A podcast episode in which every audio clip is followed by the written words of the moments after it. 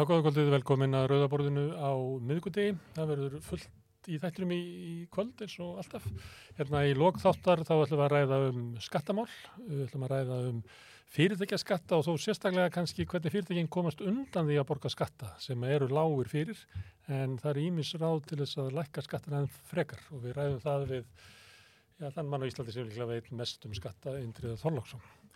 Hún Særún Kjartastóttir kemur hérna um miðan þátt og við ætlum að halda áfram umræðinni um hvort að samfélag okkar séð barnvænt, hvort að leikskólakerfið og ímislegt sem að tengist barnafjölskyldum sé skipulagt út frá þörfum barsins og, og kannski fræður nokkur um það hvernig þetta geti litið út frá sjónarhóli barsins. Síðan kemur Ragnar Þór Ingólfsson, formið að færi hérna og við ætlum auðvitað að ræða við hann um framtíði verkefnsreiningarnar, hvað það þýðir að hann sé hættur afskiptum af ASI eins og Solveig Anna Jónsdóttir og fleiri. Hvort að frestun þingsins muni leiða til þess að átökin frestist eða haldi áfram í sex mánuði. Hvort að hann muni snúa aftur inn í ASI eða bara hvað muni gerast. En þetta var nú eiginlega aðalega fréttir dagsins voru ASI karlíðin, þannig að... Þinginu aflýstum sex mánuðið mitt. Þannig að Ragnar Þór mun kannski segja okkur mest fréttir dagsins. Já, við býðum spennt að heyra hvað það verður að segja. En það er samt eitthvað svona í kringu þingið. Mm -hmm. Það er hérna, það eru svona, mér finnst gaman að hlusta á kvöldfréttinar. Nú komið svona annar hljóð í fólk. Óluf Helga var eitthvað að tala um að Ragnar Þór og Solveig Anna ætti að taka djúpan andadrátt eins og þau myndir svona jafna sig eins og óþekir krakkar Skilur sem að hlaupu út úr amalinu að hún talaði svolítið svona föðurlega eins og sagtir Reyna að fá þau tilbaka Já, Já. Mm. mm. Mikið gengið á uh. En í öðrum fréttum að þá komið ljós frá tölur frá hagstofunni síndu í dag að- verðmæti sjáarabla í Nei, verðmæti úr strandveðum í sumar var 4,7 miljardar sem Mm. er tölur hækkun frá síðustu skiptum Mm. sem á líklega reykjast að mesturleiti til hækkandi fisksverð Já, svo til alveg, ég kíkti aðeins á þetta Mm. þetta er fyrst og fremst bara merkjum það sem við höfum svo svo fjallaðum hérna áður að, að fiskverð hefur hækkað mikið í Evrópu út af stríðinu. Þannig að koma miklu peningar inn og lítið brota því eigur uh, verðmæti frá strandvöðunum en bá, bátunum hefur fjölgað þannig að kannski er hver kall ekki að fá mikið meira Nei, 30% aukning á bátum er mitt en, Já. spurning hvort að hvernig það fer mitt, hversu, hversu mikið þetta er að dreifast? Já, Það er þannig að áhugavert. fisk ekki allir hjátt mikið. Sumir eru þarna skráðir inni og og sem svæðin, eru, sem svæðin eru betri virðist vera svona smá breytilegja á því. Já, en svo var líka, voru umræðarinn á þingi þarna Bryndís úr sjálfstæðisflokknum, hún já, Bryndís Haraldsdóttir. Og hún var að tala um það hvernig börn flóttafólks eru ekki alveg að fá þá þjónustu hér á Íslandi já. Hún var í í hópi skólakerfinu. þingmanna sem fór eh, um Skandinavíu og skoðaði aðbúnað flottafólks Mhm. í Nóri og Danmörku. Ég held ekki Svíþjóð en það var hópur, þeir hafa byrt myndir af sér. Sigmundur Daví var hann og þeir komu svolítið heim með svolítið mísjarnar sögu. Sigmundur Daví kemur heim með sögun um það að við verðum að grípa til harðari aðgerðir eins og er gert annars þar. En Bryndís kemur með þá sögu að það er bara allt annað að sjá aðbúnaðin sem að fólki búið upp á. Það er búið upp á sálfræði þjónustu, það er móttaka eins og sett að taka á móti fólki sem er í einhverjum áföllum. Það er þetta gert eins og sett að taka á móti fólki. Hér er fólki bara vísað á hermannabetta í neyðarskilum. mitt og mun hafa slæmar afleðingar í framtíðin eflaust af því að þetta er frekar örglega svona áfallu, áfallavaldandi að, að mæta svona skilirum Mér það gott hjá á Bryndísi að það kemur annar tótt Mhm. út úr sjálfstæðflokknum en þetta sem að Jón Gunnarsson ja, hamrar yfir okkur dag eftir dag Nákvæmlega, um að það sé flóttafólk. Nú eru voru komið þessar fréttir af því í gær held ég reyndar, það er ekki kannski í dag frá útlendingastofnunum að, að um, fólk verður að koma hinga á fölsum vegabrjöfum Mhm. þá verður að dreifa svona fréttum til þess að grafa undan fólki, auðvitað er þetta bara örfáir sem að koma á fölsum vegabrjöfum og það er ekkert stórkostlegt vandamál sko.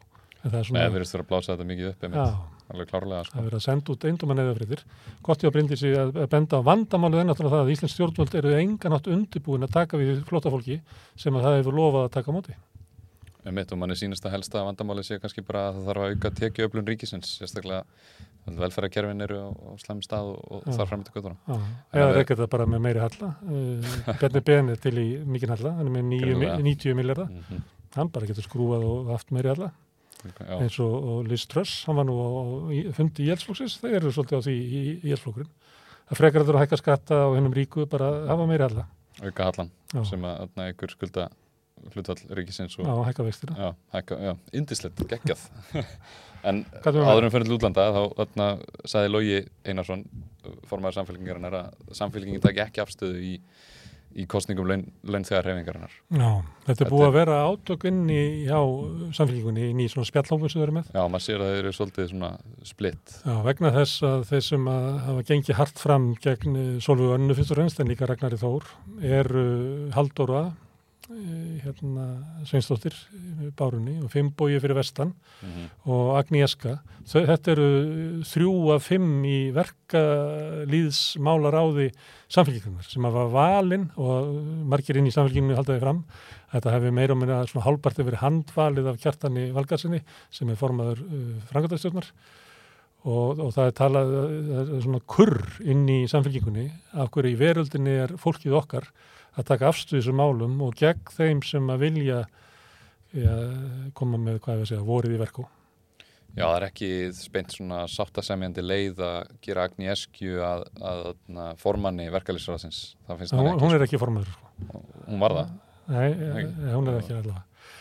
En það er hann eh, Logi og það er líka Helga Vala eh, er inn í þessum sömu frétt mm.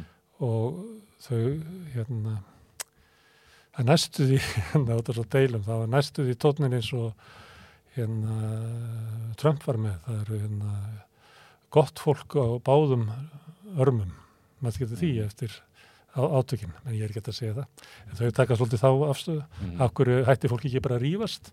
Eins og þetta sé ekki umneint sérstætt málefni Nei, sem að ég held að, að og því miður held ég að sé þannig að margir í samfélaginu halda að þetta sé bara eitthvað einhver fíla og röfl og óþroska fólk, alveg sama eins og við hérna við rauðaborðu við margsnins farið yfir sko um hvaða málefni þetta snýst, að þá held ég að, að stór hluti fólk sem er nennir ekki að setja sín í þetta, geti kosið þá afstöðu að hérna, þetta séu bara eitthvað leiðindi, eitthvað rifrildi á milli fólks. Og þá kemur oft hérna afstæða sem er af hverju er ekki, getur bara fólk ekki sæst. Og þá er, er ekki bara best að kjósa framskóð sem er afstæða. Þetta, þetta, þetta, þessi umræði mynd mér smá sko, hvernig þetta er stundum þegar þetta tala um ofbeldismál eða einelti. Þú veist að ef þú kemur utanfrá og þú, þú horfir á þetta og þú sér að allir er í ykkur ruggli að rífast og bla bla bla. Það en það skiptir mjög miklu máli hver byrjaði hver er að vald, gera ofbeldið og hver er að halda því áfram. Kannski er ein, ein hliðin búin að reyna að koma til sátta og reyna að gera hlutina góða en, en þá kemur aftur hinn hliðin og gerir árás eiginlega sko, það, það skiptir gríðalegu máli þá er ekki nóg að- koma að segja bara getur við ekki allir verið veist þá þarf einhvern veginn að finna hver er á- rótin. já, breyta, breyta til En svo er náttúrulega aðalatrið, þetta er náttúrulega snýstu pólitík. Uh, hópur vill breyta alltíðsafættinu, annar hópur vill það ekki mm -hmm. og ég hefði kosið að það hefði verið líðræðislega kostningu um það. Hvað vill alltíðsafætti gera? Vill að verja gamla alltíðsafættið ekki? En við ræðum þetta við Ragnar Þór. Við ætlum ekki að tala mikið um, um áður en við förum hérna í fréttaeflitinu úr verkefælismálum og þá lagði sjálfstæðisflokkurinn fram frumvarp sem myndi afnema skildu aðild að verkefælisfélagum mm, og þau segja að þetta sé svona félaga frelsismál mm, mannréttindamál. já Óli skrýtin Björn vinkill fyrsti hann var líka með Bjarnar Bena á landsþingi. Mhm. Mm. Íhalsflokkurinn í Breitlandi, hann ætlar að brjóta niður verkefsreifinguna, hann ætlar að með fyrirallanum það að verði eiginlega bannað að bara mótmæla. Það verði eiginlega ónæstu ómúlegt fyrir verkefnisfélagin að, að, að hérna, fara í verkvall og þetta er náttúrulega bara stefna hægri flokka alls þar í heiminum, er að brjóta niður verkefsreifinguna sem tókst í í bandaríkjónum vegna þess að verkefnisreifingin er náttúrulega það, það sterkasta afl sem almenningur hefur til þess að hafa mótandi áhrif á samfélagið. Og hægri vill ekki þær breytingar og reynir að e, bara, hvað hefur við að kalla slá barátutæki úr höndunum á það er ekki auðstjættunum í hag að hafa öflugar verkefælisreining Nei, hægri náttúrulega vill að bara auðstýttir á þessu einn. Mm og verkaliðurinn sé ekkit að, að hérna, trubla það. Bara að fá þær ölmusur sem Og að þau þessi vilja láta þær fá. þóttu sé klætt inn í eitthvað búningum, eitthvað frelsi að þá er það frelsi sem að hérna, enda náttúrulega með því að það verður algjörlega ófrjáls verkamaður og verður bara að þykja þau laun sem að, að sá sem að vill hafa því vinnu þann daginn vill Mhm. borga þér. og einmitt eins og þarna, þú bentir á ekki þar á Facebook um daginn að þegar þú ert komin inn í verkefælisfélaga það, það er alveg töluvert mikið og virt líðræði þar meira en er í stjórnkjörun okkar í rauninni Já. beinar kostningar og kostningar um kjærasamninga og annað Alls er það kostningar, hvort það er að fara í verkvall, Mhm. hvort að samlingar þessu samþýttir, Mhm.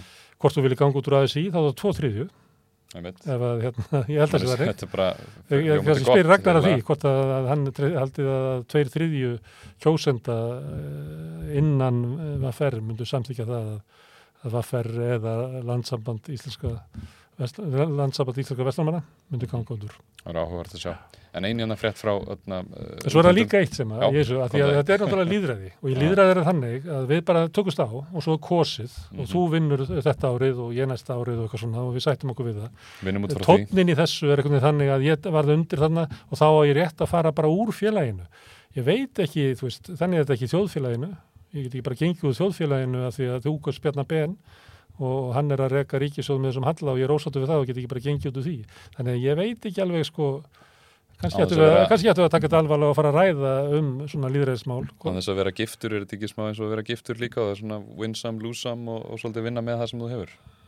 Mm, Jó, það, það er ábyrð Mm -hmm. það er ábyrð að vera ykkur já, já, og líka það er ábyrð að geta tekið í að verða undir. Við kannski ræðum það líka við Ragnar Þóra eftir. En þessi frétt frá öðna, útlöndum að Biden og demokraterni hafa svolítið verið að hóta núna sátt í Arabum, Arabum fyrir það að vera að hækka markaðsverð á ólíunni. Þeir sátt í Arabar og OPEC-ríkin hafa minka framleiðslu á ólíu, eitthvað um 2 miljón tunnur á dag og þetta mun hafa tölver áhrif á það að hækka ólíuverð og orkuverð þar að leiðandi.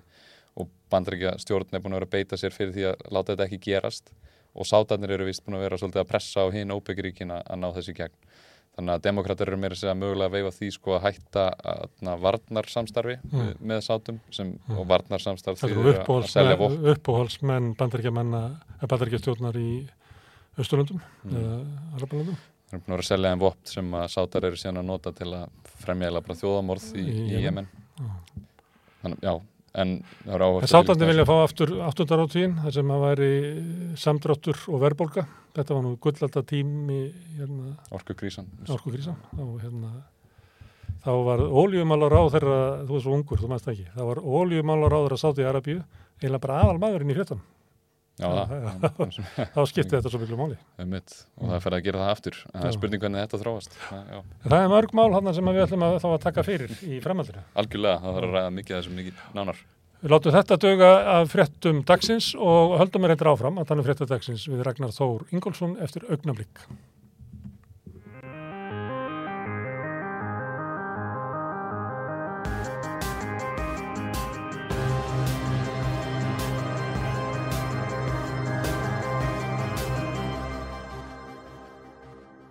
Já, hann er komin hingað Ragnar Þór Ingólfsson, uh, velkomin.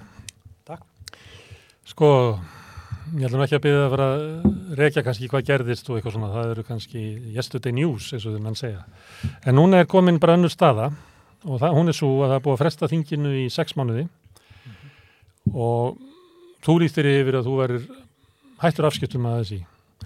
En uh, Kristján Þorður, félagiðinn, hann segir að það sé hans hlutverkan er en að ná þessu saman aftur og maður heyri það líka í fréttunum að ég veit ekki með Halldóru en allavega hjá Ólufi Helgu var svona tótnum að svolítið svona móðulugu tótt til ykkar að því að þetta draga andan djúft og hvort þið geta ekki komið aftur. E, erum við að fara inn í sex mánu tímabil sem að eh, snýstu það hvort að þið ætlið að koma eða hvort þið ætlið ekki að koma og munu átökinn halda áfram eða er þessu bara lokið að hérna, þú er tættu þínum afskiptum að þessi og síðan munu félagðinir í vaffer taka afstöðum það hvort að vaffer ætla að hætti að þessi. Já, í sjálfur sér uh, uh, já, þessa, þessa vangaveltur í uh, sem eru í gangi varðandi þetta uh, ég bara hef í sjálfur sér enga skoðun á þeim. Að ná hópnum saman aftur.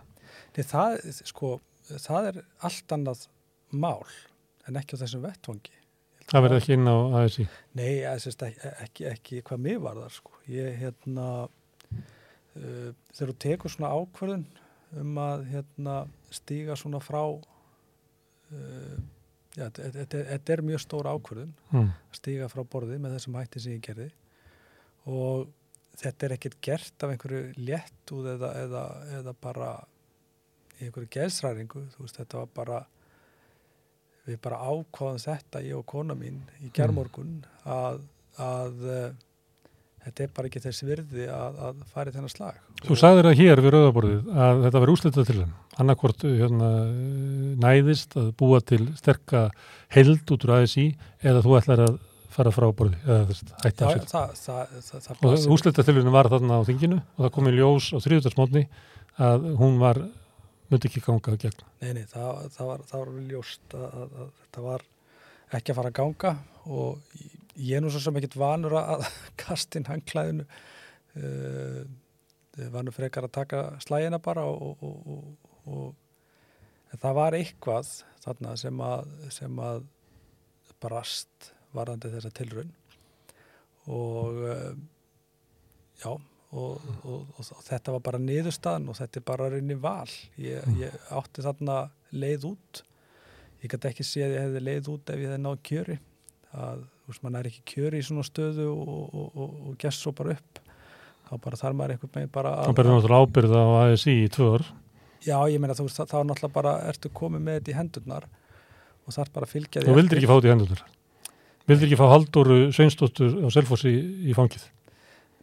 Ég, þetta var bara orðið gott og Mm. hérna og, og uh, ég hafði þarna val og valir raunni bara stóð um það að uh, ég, hafði þarna útgönguleið til þess að fara bara aftur yfir í vaffer og taka bara slægin þar sem hefur gengið bara alveg ljómandi vel með fólki og, og hérna starfsfólki og stjórn og trúnaðaráði sem að bara er algjörlega frábært veist, það er mikið samheldni stuðningur, stemning er- við, við erum hópur, við erum liðselt það er engin skoðun sem er merkilegur en önnur og við svona eh, vinnum með eh, væntingum og, og hérna og eh, hvað sé ég, hugðarefnum stjórnamanna, alveg saman hvort þeir séu nýjir eða hafa setið lengi og þetta hefur bara virkað Mm. og hérna Og þau eru horfir yfir svona lið, lið, liðin ár. Já, Er það það sem að þú hefur starfað inn í Vaffer, það hefur virkað, gengið ákveðlega. Orkan sem þú veitt í ASI hefur engu skilað. Uh, þetta hefur verið reyni bara tókstreita og hérna eiginlega alveg frá því að ég var beðin um að koma inn í uh, fórsetateimið til þess að reyna að laga það sem hægt var að laga þá sem sagt, uh, var ég svona eiginlega farin út úr þessu sko. En, en, en bara því leitunni til að, að ég vildi ekki vera ég, ég gat bara ekki vera eða orkun í uh, vettvang sem að var svona eins og segi uh, bara ekki góð ára yfir þessu öllu saman. Þetta var bara, þetta var ekki fyrir mig. Þú veist, ég, þú, þú veist bara maður vil eigða orkunni á þeim stöðum sem að, sem að hún skilar árangri með fólki sem að hefur svona skilning á því hvert þú vilt fara og uh, það tók tíma að ná vaffer á þennan stað uh, þegar ég kem inn 2017 þá, þá vorum við í já, við vorum bara á tímamótum stjórnin þar mm. ég kem inn, ég er svo sem ekki mennit með mér sko eh, enga lista eða, eða, eða eh, enga stjórnarmenn Mm. og hérna Og ekki spáðu langlifið því að allir formenn þar á undan höfðu raunverulega bara setjast út. Já, Og allir verið, verið feldir í kostingum.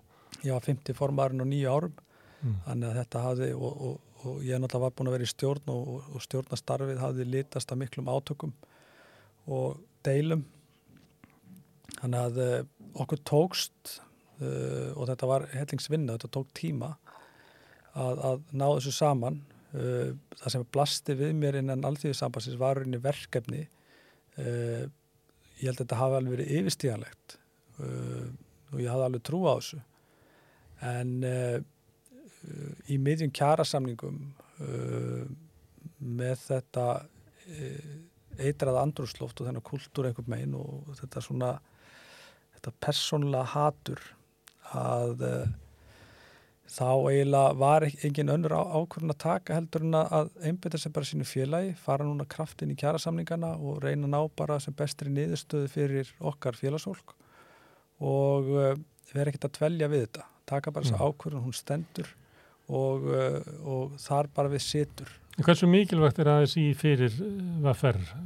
Hérna, síðast náðu við samningum og það var ekki fyrir atbein af uh, alltíðusabatsins.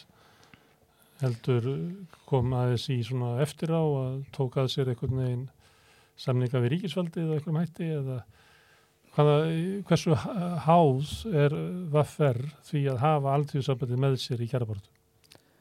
Uh, í síðustu kjærasamningun þá myndum við, myndum við bandalag nokkura félaga það var uh, með herði í Grindavík og því góða félagi uh, Eið Stefansson f- fyrir félag uh, verslunar og skristofólks á Norðurlandi.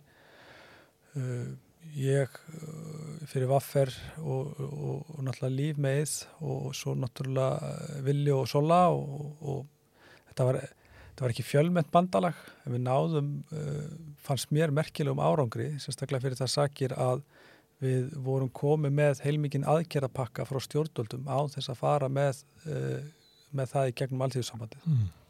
Og það sem ég hugsaði með mér uh, í aðdraðanda þingsins að finnst við gátum þetta, þessi hópur og ef, ef okkur tækist til dæmis að fá uh, sko breyðar í fylkingu til dæmis innan starfskinarsambandsins og yðnamennina með og jafnvel sjómenn að uh, Þeim veitir nú ekki af ykkur aðstóð sjómunum, þeir ná ekki góðum samningum. Þetta eru þeir Nei, að glíma við erfiðast að hluta Íslands já. auðvalds. þeir, þeir, þeir eru að gera það Hendilega takkið það með. og, og ég, ég bara sá einhvern megin einhvern, eitthvað tækifæri, kannski var þetta bara eh, einhvern barslegu draumur um að þetta geti tekist en uh, ég bara ímyndaði mér fyrst að, fyrst, að, fyrst að við náðum þessu þó og ég held að þetta Mm. hafi verið góðið samningar og fyrst að við náðum þessu þá hugsaði ég með mér, ef, ef, við, ef við náum breyðar í fylkingu og jafnvel að, að draga alþýðusambandið með okkur e, sem vettvang í þessari baróttu að e, þá værum við bara einfallega óstöðandi Mm. og þetta er svona draumur sem ég gengi með í maganum í En mörg ár. eitthvað alþjóðsambandið, ég meina nú eru samningsumbúðir alltaf hjá félagunum, yðnaðmennin þeir Já. geta komið með þeir og þau félug í starfsgrænsambandinu sem að vilja. Jú, jú, það, það, eða þarf vaffer eitthvað alþjóðsambandið? E, í, í sjálf sér ekki. Það, við þurfum ekki á allt því sambandinu að halda. Við erum með uh, uh, allt svona innandir hjá okkur, alla greiningar og ymmislegt annað. En, eh, Hefning líka. efling líka og, en, en þú veist, ég veit ekki kannski tala um alltíðu sambandi sem eitthvað óþart fyrirbriði en, en þetta er vissulega vettvangur og verkværi sem hægt er að nýta uh, betur og þá er ég ekki að tala niður til starfsfólks eða, eða, eða, eða personur og leikenda. Ég er einfallega að tala um það að ef við horfum að viðskiptaráð og, og, og samtök aðurlýsins, þau hafa stert sig árum saman að því að ná 80-90% af sínum áherslumálum í gegnum lögjafan Við erum hins vegar alltaf í, í þessu varnarhlutverki, skrifa uh, umsagnir, þeir eru vættum rauninu verið að skrifa leikareglunar. Þú veist að Halla Gunnarsdóttir fyrirhundi framkvæmstastjóri andmælti þessu, þessu fulliríku þínum í dagmálum á morgunblöðinu og sagði að alþjóðsambandi hefði verið miklu meira áberandi heldur en viðskiptaráð og þessa. En það er ekki nóg að skrifa álíktanir og, og Facebook statusa, það þarf að hafa fyrir þessu. Við vitum uh, og við erum búin að greina hvernig okkar mótæðar vinna og ef við uh, ef ég bara svara þessari full, fullurðingu og þá, Mm. töl, þá tala bara um árangurinn uh, hvað fjall uh, verkefælisreifingun í hlut varandi kröfur og þá er ég vísi COVID aðgerðir stjórnvalda. Mm. uh, hverjir unnu þann slag aðgerða pakkaslægin uh, við erum algjörlega undir þar fyrirtækin og atvinnulífið það bara domineraði í, í bæði upphæðum og, og, og, og aðgerða pökkum Engu allt sem við báðum. við hefum alls eða báðum. Ef við horfum á endir stjórnvalda nú þegar við kláruðum síðasta kjærasamning auðvitað komu eh, félögin með hann í restina og komu eh, með eitthvað að borðinu náttúrulega líka en, en, en við byggðum þennan samning og og, og, uh, og síðan enda þetta náttúrulega þannig að þetta var uh, breyðfylking á bakvið samningin sem slíkan en, en, aðkoma var ekkert mikið meiri heldur en það hjá alltíðsambandinu og öðrum félögum. Þannig að uh, mín hugmynd var svo að snúa vörð í sókn og eins og ég segi, við skrifum leikareglunar, við tölum við þingmenn, við lobbyum fyrir þessu og við snúum þessu bara við. Uh, Sérhagsmunni öflun geta svo komið og veitt umsagnir en við bara þurfum að fara miklu meiri ákveðni og þetta er ekkert, þetta er náttúrulega auðvitað miklu meiri vinna en þetta er uh, breytt nálgun og breytt hugmyndafræði uh, og það er alveg nægilega mikið af öflugu fólki innar reyfingarnar til fyrir til þess að fylgja þessu eftir ef við beitum Já. okkur rétt átt. En þeir langar til að gera það. En þú ætlar að þetta hættur afskiptið að ASI. Mhm. Hvað ætlar að gera þetta? Við höfum verið að gera þetta á vettvangi vaffer, við höfum gert ímislegt þar, við eh, höfum verið að beita okkur fyrir mjög, uh, hvað segja, uh, við höfum beita okkur mjög í húsnæðismálunum og uh, auðvitað er það ekki nóg, ég meina við erum bara eitt stjættafélag þegar þú sest við borðið hjá stjórnvöldum að þú ert nánast ekki með samningsstöðu. Ég held að það sé sko óætt að segja Mm. það þó er sín stærsta félagið uh, og ég get alveg farið með vaffer uh, á móti samtökum aðlýsins og fengið þokkalega uh, niðurstöðu út úr kjærasamningi en ekkert í líkingu við það sem við getum fengið ef að það væri breyðfylking á bakvið kröfunar. þeir langar í þessa Já. þú ert gengin frá ASI. Hvað ætlar að finna þessa breyðfylgingu? Já, sko, það sem við vorum byrjuð að gera áður en við fórum inn á þingið og það kannski útskýrir eh, vinnuna sem við vorum búin að leggja í þetta að auðvitað vorum við búin að taka ótal símtöl og ræða hugmyndafræði uh, sammælist um það að reyna að ebla þetta í, í staði fyrir að ganga frá þessu Mm. uh, við uh, vorum byrjuð að hittast á óformlegum fundum á vettvangi alltíðusambansins uh, með innamönnum uh, starfsgreinarsambandinu uh, verslunafólk og, og, og ég held að sjómenn hafa nú verið á einhverjum að þessum fundum fullur sjómanna. Uh, ekki öllum reyndar.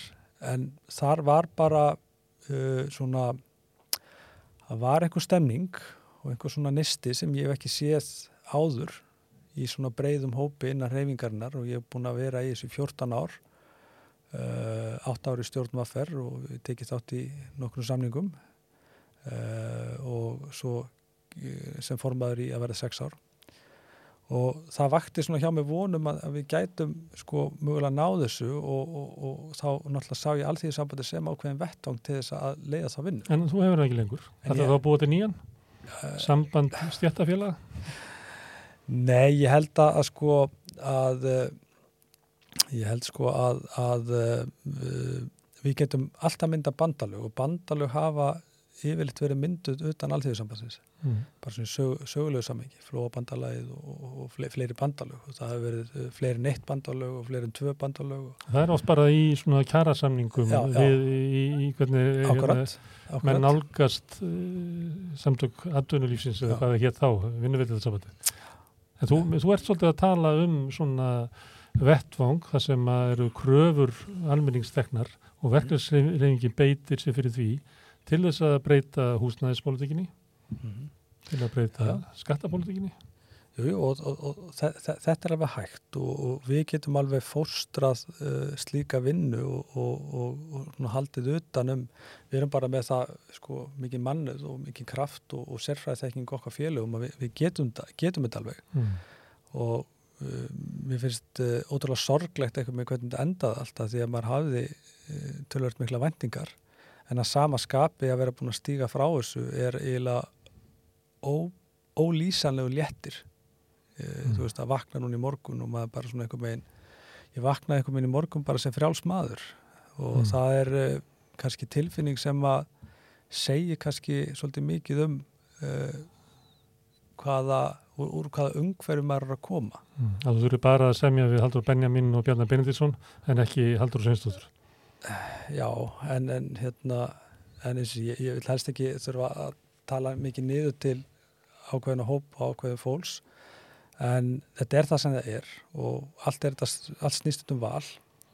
Og uh, ég sé ekki til fyrirstuð að, að þetta samtal sem átti sér stað á vettvangi alþjóðsambansins með uh, þessum breyða hópi að það á alveg geta átt sér stað uh, hérna við borðið hjá okkur eða, eða uh, hérna já, í húsi fagfélagana eða, eða, eða, eða hjá villaskilju Mm. þetta, það á að vera hægt að taka þetta samtal hvað sem er. Og hérna og ég skinjaði bara uh, ótrúlega svona einhvern kraft útskýran kraft sem að ég hef ekki svona fundið áður. Og ég held að sé ennþá að virkja þetta. Og, og uh, það verður klárlega, ég, nú, nú, nú náttúrulega fyrir að snúa mér því að að uh, uh, hefja vinnu við bara veist að, að, að ræða okkar kröfugjörfi samtöku aðeinsins samhliða því mun ég eh, heyra í fólki og sjá hvað þetta er að gera. Og uh, við sjálfsagt þurfum ekki alltíðu sambandið mm. þetta var bara eins og veist, eina sem vakti fyrir mér, fyrir mér var að reyna að fara fram á þessum vettvangi mm. vettvangi samvæsins mm. en, en, en það aftur á móti það, það, það er bara full reynda mínu mati og, og, og, og hvað gerist með alltíðu sambandið uh, hugsa, ég, ég hugsa þetta þannig í dag að það er bara mjög óviðkomandi Já Þegar þú verðt fyrst í kjöri til formansvafer, þá má ég að segja að þú hefði farið gegn alltíðsaföndinu. Og þá var verið að tala um það að mögulega eftir að fer bara gang úr alltíðsaföndinu. Svo umræð hefur verið í gangi meira og minna frá því að, að vaffer var dæmt inn í alltíðsaföndinu 1962. Hver, hver heldur að sé svona viðþorf almenna félagsmanna? Heldur að almenni félagsmenni vaffer um, sjáu það sem nöðsilegt að það fer sér inn í alltíðsaföldinu heldur að sumi sjáu kannski eftir hvað er það 72 miljónir sem að þið borgið þar í, í svo kallan skatt?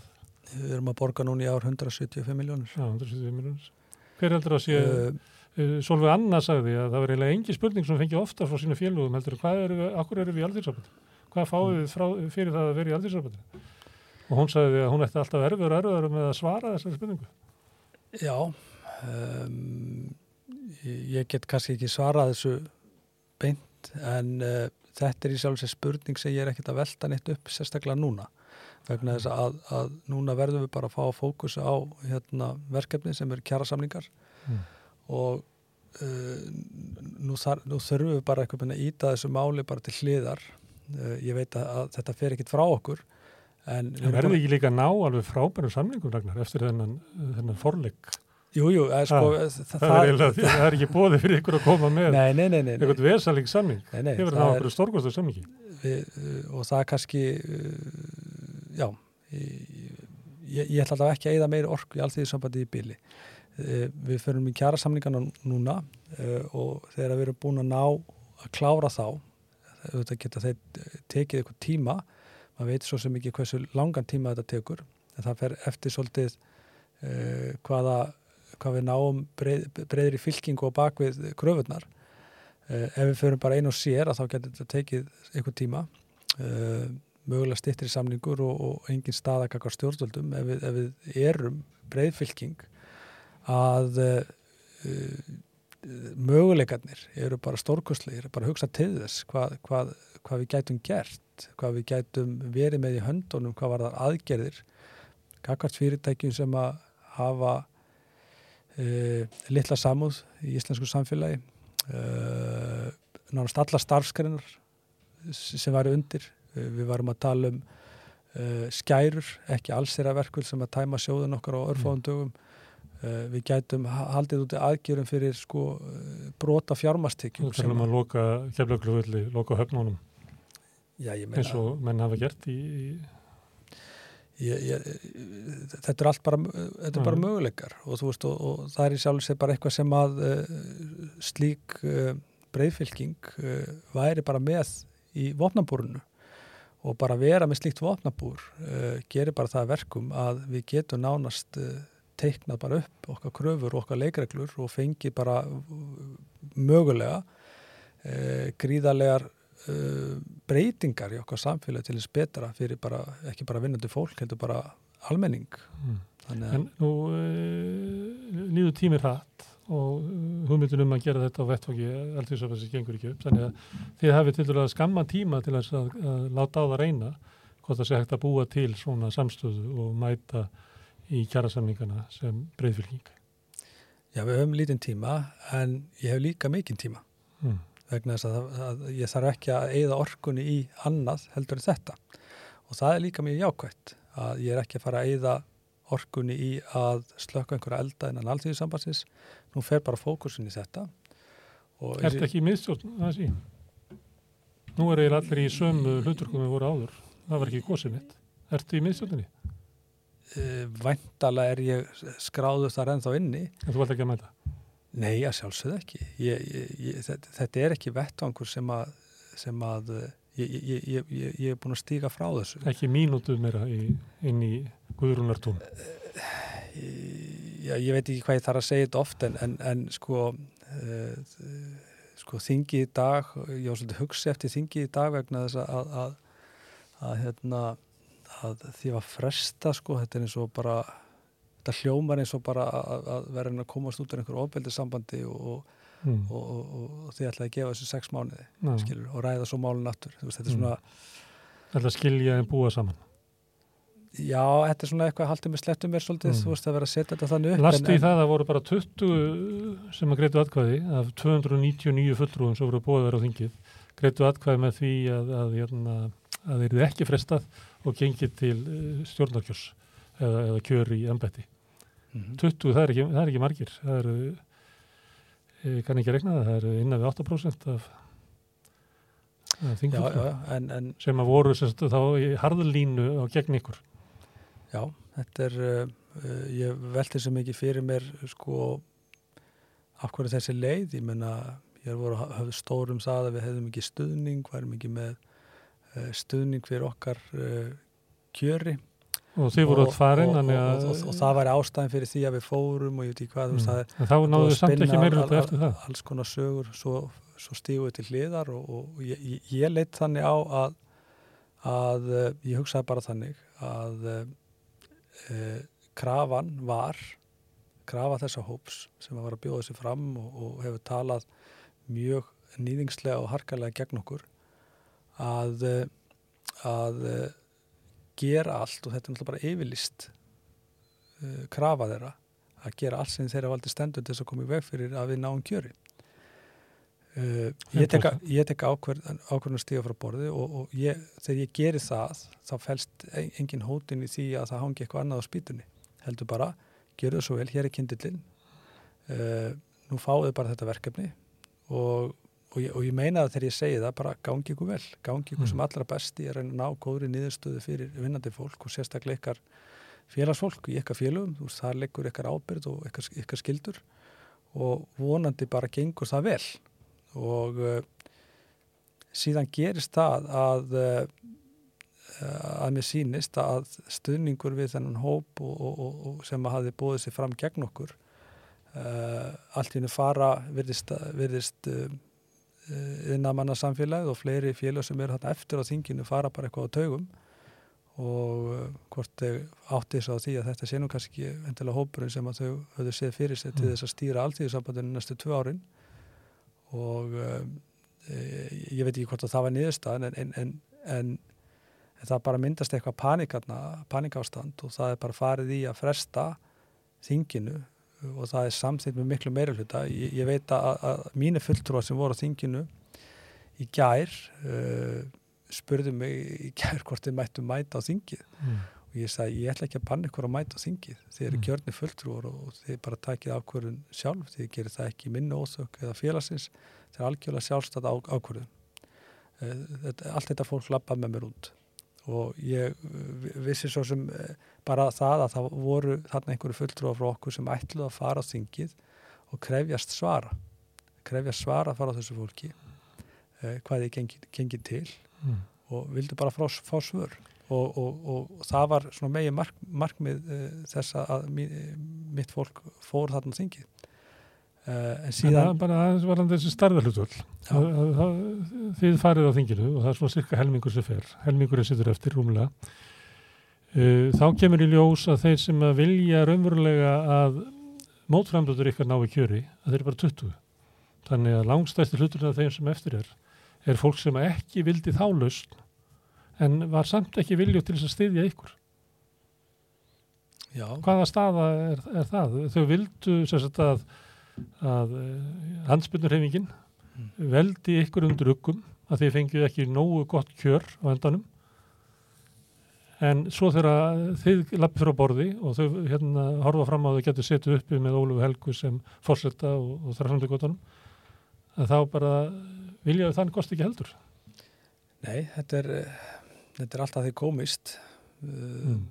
en, uh, en sorglegt enga síður að, að ég fór í þetta að, að sko raunverulegur hugssjón og, og bara mér langaði alveg að reyna á þetta ég veit ekki hvort að maður sé bara búin að vera í svo lengi eða, eða ég veit ekki hvað það er uh, það er bara já, veist uh, það er kannski ekki líkt mér að, að taka svona ákvarðanir en þetta var bara ekki alveg mín ákvörðin, ákvörðin heldur þetta var uh, okkar hjónana. Mm. Þegar þú varst í frambóði, þú fyrst mótframbóð í Vaffer síðast, Já. þá var svolítið ráðið þarkar á þig. Mm -hmm. Og ég manni herði viðtal við þig í, á Rás 1, á Sillu, segðu mér. Mhm. Og þá varst að fara yfir hennar tíma og þá varstu eiginlega slegin af því hversu harkalega ára sem það voru. Já, það voru mjög harkalegar. Ég var nú mannst stjóðkendur á, á forsýðu Já. fréttablaðsins. En núna verður aftur fyrir svona harkalegum árásum. Já. Þannig að það gís upp þegar þú ert að, Já, að, að, að sjálfsög gýst það upp og, og, og, og þetta er náttúrulega mikið sko, álag, ekkert bara á mig. Uh, við, við hefum fimm börn saman og, og hérna og þetta er engin, sko, engin smábörn lengur. Þau Mm. lesa miðlana og, þau heyra fólkið kvísla og þegar pappið þeirra er kallaður ofbeldismadur sem að vil eh, reka fólk fyrir enga sakir, Mm. valdasjúkur, uh, bara klikkhaus eða hvað sem Mm. það er nú allt saman. Hugsunarlaus, ómerkingur. Já og, og, Mm. og þetta bara glemur áfram á þess að, að fyrir þessu séu færð nokkur einustu rauk og, og, og bara þetta eru bara, uh, bara árásir, ósannandi og, uh, uh, og við bara ákváðum það þarna að, uh, að uh, það væri skynsalegast í þessari stöðu að stíða frá borði. Þetta, Mm. Þessu mundi aldrei linna, alveg sama hvort ég næði kjör eða ekki. Þessu mun ekki Að- þetta mun halda áfram. Já, þetta mun halda áfram og meiri segja eftir að ég steg frá þessu að meiri segja Mm. ég, ég, ég, ég, steg frá borði og segja bara gjör þessu vel, þið bara takið þetta þá heldur þetta áfram Mm. þetta linnuleysa þessar árásir og meiri segja í dag þá, þá er viðtal við Halldóru í bárunni það sem að hún segir að fullir það að, að ég og Viljámur höfum stutt hópuppsagnir, við, stuttum hópuppsagnir, Mm. við ætluðum að reka allt fólkið Mm. Ég er búin að vera í, í Vaffer núna að vera sex ár. Uh, kem inn í, í svona, já, það eru, það eru átök og hérna, ég er erfiðri stöðu hjá félaginu. Uh, ég hef ekki sagt upp einum einasta manni. Mm. Er búin að vera með sitt félagi átjánar, hann hefur aldrei þurft að segja. Einhvers að líka að þetta verið bara plana plott hjá ykkur, að þinginu og ganga svo eh, út og hug- Hugsaði hvað þetta er, uh, hugsaði hvað þetta er sjúkt. Þetta er, Mm. þetta er sjúkt ástand að þurfa að setja undir þessu. Að þannig fólk sem að fær sínu framgengt að koma í veg fyrir að við náum kjöri. Við sko, stígum frá borði uh, til þess að fá frið. Ég, ég, ég, ég bara baði um vinnufrið. Uh, ég óskaði þessu fólki, fólki góðs gengis.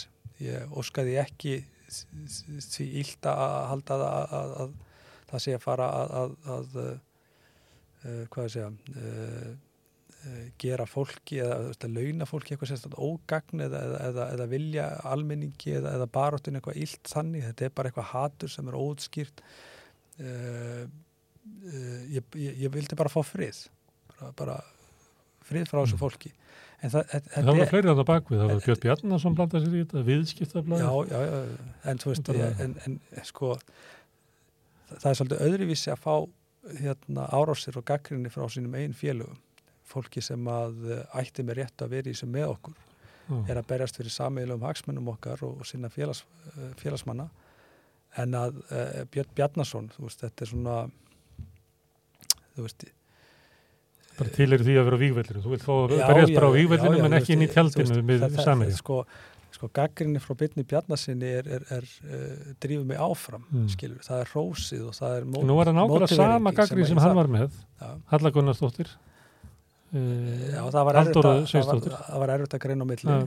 Og hérna enda, enda fenguðu mikinn stuðning frá úr þessum ranni sem er náttúrulega mjög aðteglisvert en en hérna já að uh, en ég svona vonaðist til þess að, að það versta er því yfirstaðið Mm. að þetta fólk kannski færi þá bara að, að, að snúa sér svolítið að sínu Mm. sínum félögum og sínum kjærasamningum en þú veist uh, þetta, virðist, þetta bara virðist ekki vera nóg Nei. þetta, þetta, þetta er eiginlega ótrúlega stað að vera í Og þú ætlar ekki að deila tjaldi með þeim, að vera að berjast á ég, vígvellinum. ég, ég, í bara, ég bara ber ekki kala til þessa fólks Nei, ég, ég bara, það er eitthvað bara element í mér sem að já, ég bara hugsa ekki illa til þeirra Mm. ég, ég vonaði að gangi vel og, og allt þetta, ég bara ég ber ekki kala til þeirra það er Mm. bara þannig Þú ég, vera að þessu?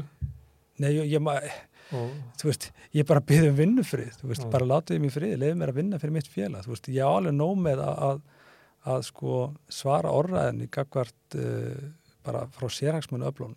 Mm. Það er alveg nóg, þú veist, ég menna fyrir síðustu kjærasamninga þá þú veist, vorum við bara geðveik, vorum við styrlaða kröfur, mannst eftir þessu, þú veist, við vorum að fara að setja bara Ísland á hausinn Mhm. og, og það mun koma aftur núna og það, það var bara fullirt að þetta, þetta, þetta geðveika fólk myndi aldrei ná að ganga frá Mm. kjærasamningi en hvað gerðum við? við gengum frá kjærasamningi við vorum með sko váer það var gjaldtróta bara þú veist, á, á, líka á samningaborðinu þegar við vorum að klára þetta. Veist, þetta var, þetta var ekkert létt en samningarnir núna eru verða gríðalega flóknir og, og öruglega mun erfiðari. Í, en uh, já. Mm. og uh, við erum búin að ganga í gegnum margt í, í, hérna saman og höfum að ég tel sínt árangur eins og, eins og árangur sem við náði í vaffer. Er bara ótrúlega flottur sem við, við erum að byggja íbúðu fyrir félagsmenn vaffer Mm. við erum að byggja íbúður við erum að uh, stefna ríkinu með gráa hernum. Við erum að fjármagna sko, þá málsókn og öllum dómstífum uh, út af skerðingunum og elliveri við erum að við erum í málsókn hérna með neytendarsamtökunum hérna gegn bönkunum út af skilmálunum og lánunum veist, við höfum náð að vinna við fórum í smálánin líka. Og það geti erfileikum með að finna samherja í barðunni Nei, nei, nei, nei, og þú veist, og, og, og veist, þe- þe- þegar þegar þú nærði einhvern megin að vera í félagskap, það sem að það koma hugmyndir og allir bara já, bara keirum þetta áfram og, og hérna og vinnum með þessum og vinnum með hinnum og bara förum í verkefnin, veist, og það er bara, þetta er svo gefandi og skemmtilegt að sama skapi hvað er óbúslega líjandi og, og niður drepandi að þurfa að vera í e, þessum kringustæðum. Ég er búin að vera þarna og ég veit alveg hvernig þetta er og hvað býður mín og ég var tilbúin í þetta fyrir nokkrum dögum síðan en síðan bara í gerðmorgun þá bara nei, veistu Mm. það ég, uh, ég hef þetta val veist, ég, ég, þetta er svona síðasta uh, síðasti möguleiki minn til þess að stíga frá og ég, ég bara nýtti það möguleika og ég var að vonast til þess að fólk myndi bara verða það að í því uh, fólst engin sko reyði eða, eða illindi eða eitthvað slíkt. Þetta var bara ákvörðun og ég vonaðist til þess að uh, þetta ágæta fólk gæti þá bara uh, sko gert, gert það sama og ég stýr eitt skrið tilbaka dveljum ekki við þetta hér er alltíðusambandið uh, bara gangi ykkur vel og bara, bara sem allra best. Nú ætla ég bara að einbyrða mér að þessu og já, sjáumst. Þetta var svona en það gerðist heldur ekki. Nei. En við skulum sjá til, ég er allavega í betri stöðu að mér finnst í dag bara við að, þú veist, að þurfa ekki að, að sitja við borðið með þessu Mm. þessi ákvörðum venst vel. Já, mér líður bara alveg stórkostlega, þetta er óbúslega léttir og ég, ég það er svo skrítið sko að maður áttast ekki á, á því hérna fyrir maður stígur út fyrir sviðið mm. að uh, hvað þetta var óholt Mm.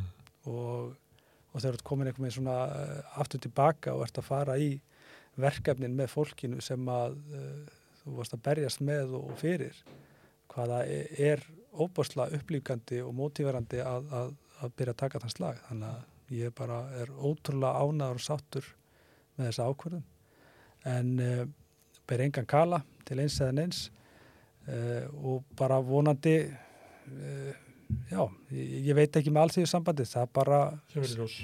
það er bara siglir sinn sjó Mm. bara hvað sem verður uh, Herðu, Ragnar, þakka fyrir að koma hérna og segja okkur frá og til hamingi með þessa ákvörðina að stíga frá alþjóðsambandinu. það er bara kæra þakkir Herðu, nú tökum við örstutlið og síðan ætlum við að tala um börn eftir augnablík.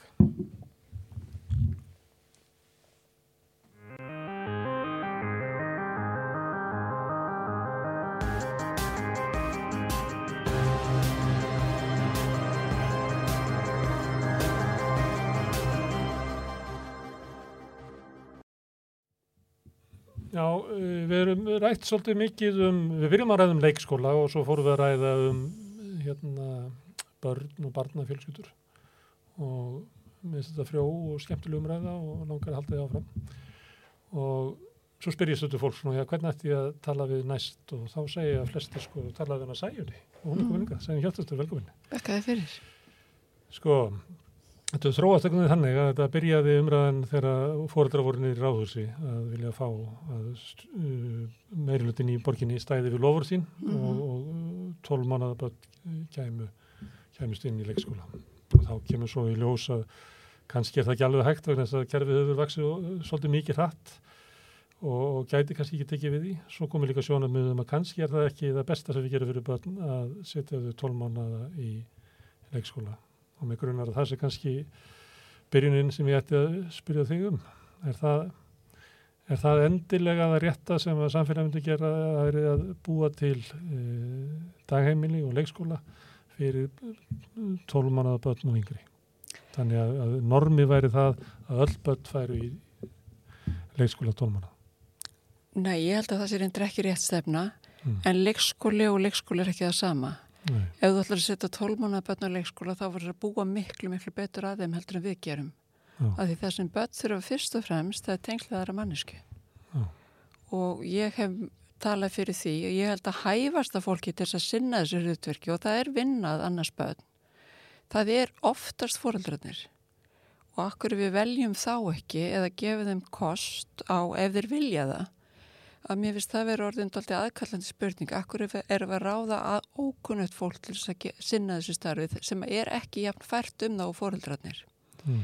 og það er alltaf, jú, þessi peningaspörsmál. Það er eins og sé þessi hugmynd sko lítil börni að kosta litla peninga en það er bara ránghugmynd það því að alla rannsóknir sem að ég veit um sem hafa verið framkvæmdar af UNICEF, James Heckman sem er Nóbersveluna hérna hagfræðingur eh, London School of Economics og meiri segja hagfræðingar íslenskir sem unnu hérna velferðar, nei farsaldarlögunum hans ásmöndar einas Mm.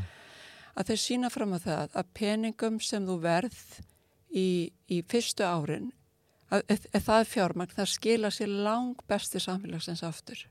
Mm. Þannig því betur sem þú sinnir ungum börnum og fjölskyldnum þeirra, því betur farnast en því minni kostnaður setna meir bæði í menta, velferðar og helbriðiskerfinu. Mm. Þetta er vitað. Mm. En ef að lustin er ekki svo að hafa leikskóla, allavega ekki leikskóla eins og þeir eru núna, að þá ertu að tala um að verja peningunum í því að, að bara bæta aðstöðu barnafjölskyldna. Já, ég held alveg við um að hafa leikskóla áfram og gefa Mm. fóreldrum kost á að, ég meina, sömur fóreldra... Þeir sem að vilja og þurfa. Já, sömur Eða svo eru þetta fóreldra sem að Kristín Tífirbendi á sem að í erfileikum með að, að sinna börnum sínum. Já, og ég meina, börnum er ekkit vel komið hjá fóreldrunum sem að til dæmis líður illa eða leiðist með þeim og vilja freka verið vinnunni. Mm. Fóreldra geta oft sint sínu hlutverki miklu betur eða þeir fá að blanda þessu. Þannig að ég held, ég kalla fyrir eftir meiri sveigjanleika að þessi ekki allir stiftir í sama form, bara klukkan þetta, þá er börnun að fara í leikskóla. Og, og við erum ekkert að spáði hvernig leikskólanir eru. Það, það, er bara, Mm. það er svona ákveðin mýta í gangi á Íslandi að íslenski leikskólar eru góðir, punktur. Við Mm. Ég var alveg nöfðu að trúa því, eða ekki alveg nöfðu, ég maður trúði því svona upp á 1990, þá var mér byrjað að, byrja að segja þetta við mig. Já, Ég ferðast um Noreg og þá voru verið að tala um það að hvað íslenski leikskóla verið miklu betri inn í Noreg. Sko við, þetta hefur verið trúabröð Mm. og við hefum kannski þurft að trúa því að þið hefum ekki, ég meina hverju eiga fóreldrar, hvaða valkosti eiga fóreldrar? Ef allir eru munstræðir í að setja pötnin sinna á leikskóla þá verður auðvitað að trúa því að þessu er góðir. Og sumir eru það, en Mm. það eru það ekki allir. Og leikskóli verður aldrei betur heldur en fólki sem vinnur þar. Mm. Og við þurfum ekki bara mentað fólk, það getur líka verið ómentað starfsfólk, þá auðvitað við mælum með fagmentun, Mm. En það verður að vera fólk sem hefur skilning á þörfum batna og getur þess að bregðast við þeim. Mm. Hvernig velur þú það fólk? Það, það er auðvitað vandi og þú verður að hafa þekkinguna sjálfur. Ég menna ég held að leikskólastjórar séu ágætlega í stakkbúinu til þess en það er bara svo mikil pressa á það. Þeir verða að taka alla. Ég menna það, sko ég er held það að svo erfitt að manna? það er svo erfitt að er manna. það- að um það eru engar, eða mjög litla kröfur gerða til þess að fá vinna á leikskóla. Allt og litlar. Svo er álægi mikið þannig að góðu starfsmæður í hitti fyrra getur verið orðin bugaðir í dag. Og fyrir utan það að, að margir fara, notar leikskóla svona að því þú getur alltaf fengið vinnu þar meðan þú býður eftir betra starfi betur launuðu sérstaklega, ekki endilega áhugaverður eða skemmtilegra en betur launuðu og þetta fyrirkomulega er náttúrulega algjörlega galið fyrir ungbönn að það sé einn, þú veist, bönn þurfa samfellu í tengslum. Þau þurfa að upplifa öryggi og það gerðu þau ekki með nýjum og nýjum starfsmanni. Mm. Leikskólan er eitt en síðan ef, ef fóröldarnir eiga að hafa val um að vera heima hjá börnunum að þá þurfum við að hafa ykkur að tekjur. Já og þess vegna held ég að það sé mjög brínt að lengja fæðingarólfið og ég, ég hef lagt það til að meðan við erum að býða eftir að það verði lengt að því auðvitað verður að lengt, það er bara spurning hvenar og, og auðvitað finnst mér þetta ekki gerast ná rætt. En þá hef ég lagt það til að fóreldra fá að nýta það fjármang sem fyrir að greiða niður leikskólaplásið til þess að, e, e, að þeir fái það. Mm. Og hérna þá hefur stundu verið að nei, er þetta ekki bara fátakara gildra, er þetta ekki alveg hræðileg hugmynd? Það er að borga konunum fyrir að vera heima. Borga Þannig konunum. að svara svoleiðstilugum í krigu 1990. Ég veit það og ég, það sem að var aðheld ég þá, það í fyrsta lagi það var verið að tala um svo lágar fjárhæðir, þetta var algjör almusa. Mm. Og í öðru lagi, ég held, ég fagnaði mjög, mér finnst umræðan verið að breytast, þetta er ekki lengur bara um það ánu að fara að senda konunar heima heimilin og það var einmitt mjög áhugavert að sjá núna þegar þetta gerist í ráðhúsinu og það verið að tala um fóreldra það voru ekki síðu feður. Mm. feður eru heima með börnum síðan þeir vilja taka þátt í uppveldi barnanum sína mm. Sjömi feður. Margir feður. margir feður. Mjög margir feður og ég held að það sé sko vaksandi fjöldi sem vil það. Og það er þangast sem við höfum að stefna og hætta að vera að tala alltaf um konurnar eða mömmunar þetta eru fóreldrar og, for, og, og feður bæði bera ábyrð og þeir vilja vera þáttakundur. Mm. Einhver sagði hér að þetta verði líka fjárfesting í, í þroska karlmanna að, að þau fengi að vera meira með bönnu sín. Já, al, alveg. Þú fengi betra samfélag, þau fengi skarri kalla á því. Engin spurning. Muna, ég veit ekki hvað, hvort að, já, ég meina það er bara það sem ég heyri, ég vinn mjög mikið með ungum fóröldurum mm og þetta og, og bæði mín reynsla og líka rannsóknir sína að pappar sem eru með börnunum sínum nýfættum og til að byrja með, það verða miklu sterkari tengsl við þau, þeir kynnast þeim á annan hátt mm.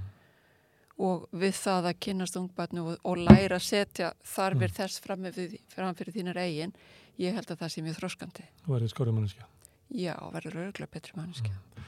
Betri leikskóla sem er ótrúlega miklu dýrari Þannig að þú ert að tala um uh, hérna, tvöfaldan kostnad. Já, já. Flerri hérna, kennarar eða, eða starfsmenn á, á hérna, barn. En við verðum líka að rekna út meira rými. hversu dýrt það er að gera þetta ekki. En við erum að tala um eins og tvöfald meiri kostnad. Já, já. Við erum ekki að tala um eitthvað Nei. svona aðeins meira. Nei, en það var gerður ansvöng hjá LSI fyrir nokkur um Landarskólu Economics og þeir tölum, ef við heimferðum þær tölur yfir á Ísland að við þyrtum að setja, ég man ekki, 230 miljónir í ákveðin málaflokk á ári til þess að spara 7 miljardar. Spartnaðurinn er gríðarlegur. Mm. Hvað kemur það fram? Hann kemur fram í menta, helbriðis og fjálsmálakjörunu.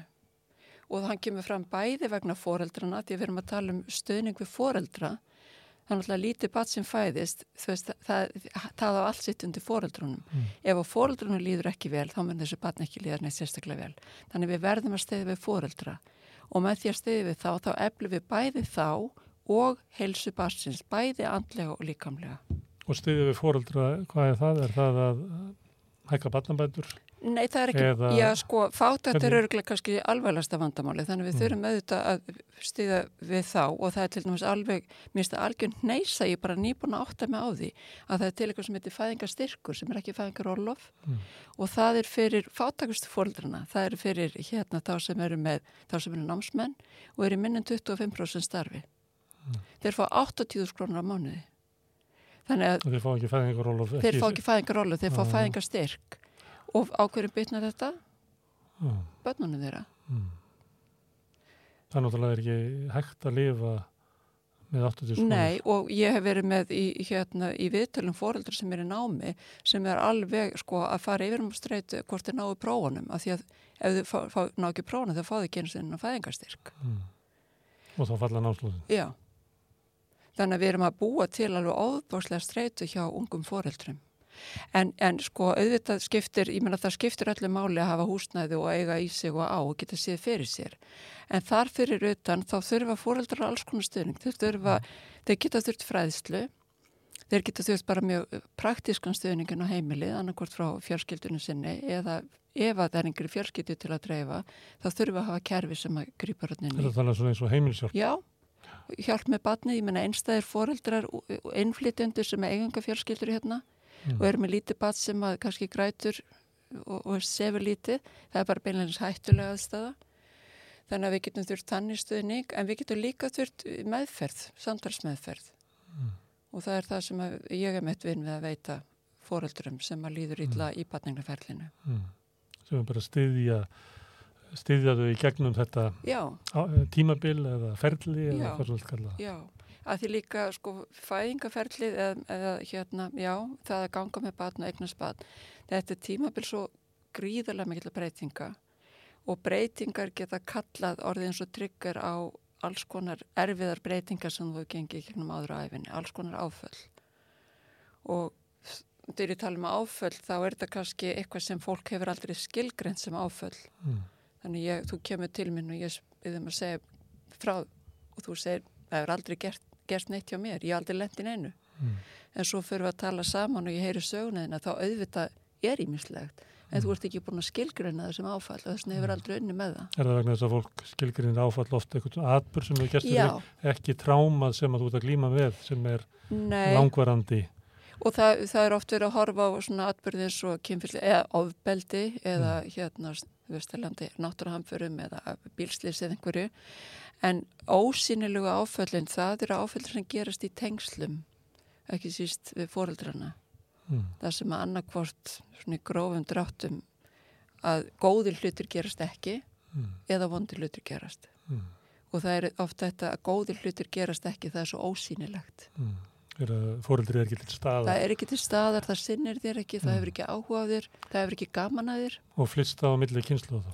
það, ef að það er ekki unni með það þá er það hættan Mm.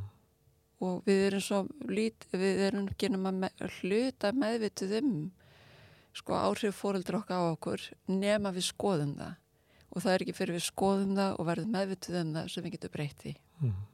Er ég að tala um skatta en eftir? Þá þá erum við að tala um leikskólana. Já, Við erum að tala um uh, miklu meiri peninga í það. miklu meiri Fæðingaróluð, miklu meiri peninga í það. mm Stuðnískerfi fyrir fóreldra, hérna, hvaða lengi, þá hvernig barnið er tveggja ára allavega, allavega, já, jáfnvel lengur. já Svo erum við líklega að tala um sveigjanleiri vinnumarka þannig að, að það sé ekki annars vegar fæðingarólof og svo er bara full vinna. nei, því að barnið getur ekki byrjað í nýju klukkustunda leikskóla. Þegar, mm, þannig að við erum að tala um bara umbyltingu um það hvernig við horfum á stuðning við börn og barnafjöldur. já og við, ég held að við verðum að setja okkur við það að börn eru trublandi, það er trublandi að eignast bat, bæði fyrir fóreldrana og fyrir samfélagið og við verðum að fara að sko leifa þeim að trubla og, og veita þá þeim og fjölskyldunum þeirra meiri stuðning af því að þetta kemur bara í baki á okkur setna miklu dýrara. Mm. Veist, að horfa þetta svona þessu trublandi, finnst þér eins og að við viljum bara ekki þeirra af þeim með það? Já, börn eiga svolítið, þau eiga ekki vera fyrir og þú veist, ég var til næst með fóreldrar á námskeið núna í vikunni og þau segja að það er voðalega erfitt fólki, e, e, sko, aðtunreikunum finnst þetta mjög mikið vesen að þurfa að vera að gefa okkur frí út af þessu. En jú, það er vesen, en ef þú gerir það ekki, hvað gerist þá? Þú veist, Mm. börn, þau, þau taka plást, þau kosta pening, þau hafa hátt og ég held að barnvænt samfélag myndi hafa meira þól fyrir því heldur en við höfum. Og þá er þetta að tala um eins og að, að, að fyrirtæki átti sig á því að, að launafólkið eru fjölskyldu. Já, Já. Þau kom ekki bara úr einhverjum, þú geymir það ekki í kassa á Þú tekur þau ekki út úr skáp, þau, þau lifa lífi og það er vissulega tröflum þegar að börnin þeirra eru veik og þau þurfa að fá frí. Mm. En með því að hafa meiri sveginleik og koma til móts við það, þá er ég alveg vissum að það myndi skila sér í meiri vinnugleði. Mm. Og Áttu rannsóknir sem sína það líka fyrir þá? mm, eh, ég er ekki með þeirra takteinum, Nei, en það það, það, það er ekki ólíklegt, já. Nei. Og bara maður hefur heyrt, ég hef heyrt um fyrirtæki, sko, velstöndu fyrirtæki eins og banka í Skotlandi sem að einmitt, sko, leggja sér fram um lengra fæðingarólof og sveginlega vinnutíma, að því þið bara vita að þið fá gladari og betri vinnukraft tilbaka. Mm. Þú hefur verið að tala um þetta í langa tíma, ekki? Jú, Og við hverju er þetta tala um þetta? Ég er náttúrulega voðalega mikið að tala um fólk sem er sammála mér. Það er erfiðar að ná til. Og hverjir eru það sem eru samanlegar? Það er fólk náttúrulega... sem er í, vinna í og sagt er? Já, ég var nú að tala á, á, hérna, hjá félagi leikskóla kennara bara núna Mm. í síðustu þar síðustu viku og uh, ég fekk mjög góðar undirtekti þar. Ég, skil það. Já, en, en það er ekkit, já, já, en En er þessi umræða bara lókuð þar inni einhvern veginn? eða? Nei, mér, sko, ég gaf nú bók 2009 sem heitir Mm. mm. Árens Bengimann Mm. og þá fekk ég alveg rosa svona, mm, það var mikið viðnám Já, og fólki fannst þetta mjög óþægilegt og ég fekk svona spurningar allar bara að fara að koma inn saminskupiti á fóreldrum Mm. og allt þetta. Það er rosalega mikil breyting síðan þá. Mm. Fólk er miklu, miklu meira að tala um þetta og þá fekk ég með þetta, viltu bara konurnir, þú veist, fari aftur inn á heimilinn Mm. og ég, ég, ég heyri það ekki mikið í dag. hvað heldur að við breyst?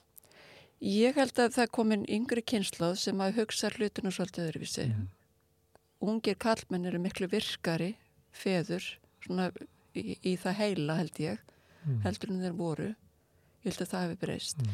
Og það er líka, sko, foreldrar eru meira farnir að leifa sér núna, sko, 2009, þá fekk ég ofta heyra, sko, ég man sérstaklega einn kona sagði, hún var, eða svo fyrsta, hún sagði, mér finnst þú að hafa gefið mér leifi til þess að vilja vera heim hjá barninu mínu. Mm. Það var alltaf tabú. Þú Mm. varst einhvern veginn ekki svona, þú varst alltaf annarsflokks við þú vildir bara vera heima með barninu þínu. Og eitt af því sem það líka breytast, að það eru þeir fóreldrar sem kjósa að vera heima, að það sé, sko, það er alveg vísir af því að gerast til dæmis með fjörskildulandi og fleiri svona stöðum, að þeir hafa einhvern samastað til þess að hittast. Það er rosalega ennmannalegt að vera heima með lítið barn allan daginn. Mömmumónar voru til? Já, það bara er ekki nóg. Mm. Það þarf meira. Það þarf að vera einhver samastæðar sem Svona geta komið, almanna rými sem maður getur komið með komið börnin og fjölskylduland er með vísir af því. Þar sem getur komið börnin og þau getur leikið sér, þau getur hitt aðra fóreldra, fengið fræðslu. Það þarf að búa til samfélag fyrir þessa fóreldra. mm. Þannig að þeir sé ekki að einir bara hver í sínu húsi að, Mm. Ég talaði við formann í fimm fyrstu sem ég held að séu samtök sem að vilja orðið til út af bókinu þinni. Mm, uh, ég held að og mér fannst það að vera eins og væri svona degla í, í félaginu að það hefði verið svona vitundavakningafélag það fekk ég aðdegla þessu en nú væri eiginlega svona fæðast hjá þeim svona að vilja gera kröfur um ákveðna breytingar sem mér finnst alveg frábært. Já, Já. það vantar kannski svona fjölskyldusamband Íslands þess að gera kröfur Já, og svo er sko annað að ég menna, þú ert hérna með ung börn í, stuttan tíma. Og svo kannski er þú orðin fimm ára, þá, þá snýrðu þér að einhverju öðru. Já, þetta er eins og vandamálið með félagsjúklinga það er fólk bara annarkoð deyrða eða sér og það er enginn í félaginu. Nei, þannig að það vantar hérna, eitthvað svona félag fjölskyldufélag. Já, ég meina þau eru náttúrulega rosalega kraftmikil og dögleitt, þetta er ungt fólk sem er virkilega að láta til sín taka þarna í fyrstu fimm Já. og vonandi á það eftir þetta er bara, náttúrulega fólk sem hefur ótrúlega mikið að gera því að þau Ég eru í, í vinnu og ég þau, veit það, og hérna, þau þurfa að já, og þau þurfa að stunda félagslíf og þau þurfa að rekta sjálfa sig mm, og svo hafa þau vantar tíma fyrir börnin. Ég og það er eiginlega vandamál barnafjölskyldana að þau lifa í einhvern veginn í svona struktúr mm, það sem er ekki gert ráð fyrir plássinu sem að barnið þykkur nei, nei.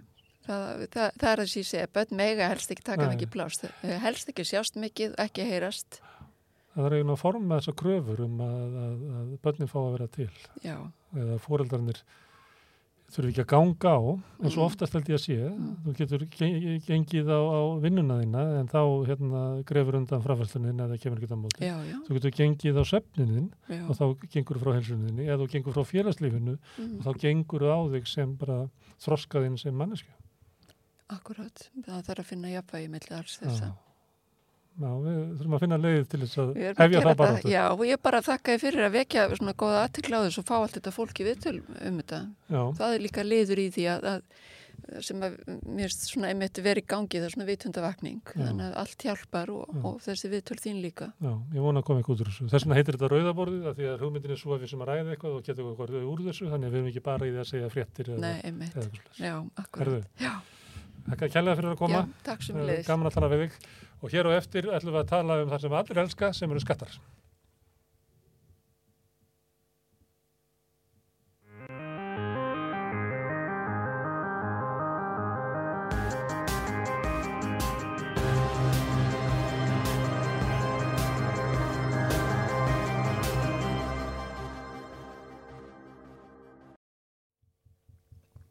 Herðu, við höfum stundu talað um skatta hérna við rauðaborðið. Um, þú veist hvort að skattinir hafa hækkað og lækkað og skatta sem að voru og hafa horfið. En í kvöld langaðum við kannski að, að fjalla um það hvernig þetta komast, hvernig fyrirtæki og þar með fjármasegendur og, og fyrirtækiðendur komast hjá því að borga skatta og Endriði Þorláksson er komin hingað, þessu blessaður. Hansar. Ég man einhvern tímann að eh, ég heyrði þið segja að það ætti að gera það sama við eignarhalsfélög og það var gert við aflandsfélög sem er þannig að, að þessi bara litið framjá þeim að þau séu sjálfstæði skattaðalar. Þannig að, að ef að þú átt aflandsfélag þá er það bara, er þú rökkaður um skatta eins og það sé ekki til. Og mér heyrði ekki betur en þú var eiginlega að leggja það til að það ætti að gera það sama við eignarhalsfélög. Er það, Já, skildi ég þið rétt? það er, já, það er á rétt, það er einn leið sem að farin í sumurlöndum að, En þetta virkar svo, svo rótækt á Íslandi. Já, það gerir það, en staðritin er svo að sko mörg eignarhalsfélag er ekkert annað en svona bara bankarekningu viðkomandi. Skél. Þetta er bara skell sem að er ekki minn eina starfsemi. Þetta er nokkur konar svona, komum við að segja, vörslureikningur, fjárhárslureikningur sem að í banka. Nefnum bara þarna er það í nafni aðila sem að já, ber sjálfstæða skattskildu og eh, verður til þess í miða við skattalögin að eh, tekjur þessar aðil eru alltaf skattfrálsar og eignirnar eru náttúrulega skattfrálsar meðan ekki er eignarskattur og þar að þau ekki gefa rekninga þess að félagi kólranga mynd af í raunverulegu stöðu þess að félags bæði eignarlega og teknarlega. Eh, Ef að við erum að skilja þetta, segjum að það sé hérna maður sem á, á fyrirtæki og hann geymir eignina í fyrirtækinu í eignarhalsfélagi. Eh, Fyrirtæki borgar arð upp í eignarhalsfélagið, þarf hann þá ekki að borga skatt. Nei, arðurinn frá öðru félagi er skattfrálsu eignarhalsfélaginu. En þegar hann, en svo, hann, en þegar hann tekur, eh, Ef hann tekur þetta út fyrir sjálfan sem persónulega þá borgar hann hérna fjármastíkjaskatt. það er algengt að menn geymi þarna uppsafnaðan arðgreislur fyrir lang, til langstíma Já, já, Og- til dæmis ef að og svo hækkar það ekki verði, líklega eignin sem hann á. Já, við komandi aðili er hugsaðlega og vendalega á launum hjá sínu rekstra fyrirtæki Mm. og fær þannig laun til framfæslu þannig að, að það sem fer inn í eignarhalsfélagi það bara kvíð þar á skattlagt og þetta gildir ekki bara um arðin heldur að já síðan hvað 2008 sem við gerum breyting að söluhagnaður af hlutabrjöfum hann var líka getur skattfráls Hvernig var því breytt fyrir það? það var 2008 bara rétt fyrir, rétt fyrir hrunni Þú varst nú aðstofað með Stengrims eftir hrun, gáttu þið ekki breytt þessu? Jú, það hefði verið þess virði að gera það en Já. það var í svo snúast á Já. tíma sem að, að mann er kannski yfir svo að ég gerði mig bara alls ekki grein fyrir því þegar þessi breyning var gerð að, að hún hafi verið gerð Já. en eh, um söluhagna gilda náttúrulega svona hvað sé, hafraðið að sé að allt önnur, allara reglur heldur en um arð Já. meðal annars eh, arð er ekki hægt að borga út eða á ekki að borga út nema að hagnaður hafi myndast í fyrirtækinu meðan að ekkert slíkt á við um, um söluhagnað í hendi þrýðaðara. Þannig að þessi breyting hún er gerð og reyndar í, í, í hérna lagafröfarpinu sem að leiti til þessar breytingar þá var þetta rauksut með því að auðvelda eignarhalsfélögum útráf sem að þá var mikil áleiti mikil hér Björgun og Bergvettur á, á þeim tíma. Það er veldum útrás með því að þeir þurfti ekki að borga skattin Já, já, söluhagnaðinum þá og getur bara farið með peningin út. akkurat, eða í aðra starfsemi sem að það. Já. Þannig að, að En áriðun að þessu eru að því að hérna, núna skattahæsta fólkið á Íslandi er yfirleitt út af söluhagnaði. Það eru menn sem hafa verið að selja fyrirtæki. Ég held að núna verið núna í, í fyrra hafi skattakongurinn eða svo sem var, með, fyrir svo sem var mestu tekjunar. Mm. Hann seldi hérna litla útgerð á, á Snæfistinsi og hafði tekjur upp á, ég man ekki hvað það var, 3,7 miljardar eitthvað leys. já, já, Hann hefur líklega brátt þetta sjálfur, en ef að hann hefði geimt e, eignina sína í útgerðafélaginu, í eignarhalsfélagi, þá hefði hann ekki borgað skatta þessu. ekki henni hefði ekki þetta borga skatt af. Og getur hann bara geimt þennan pening bara inn í félaginu og mjallað hann út.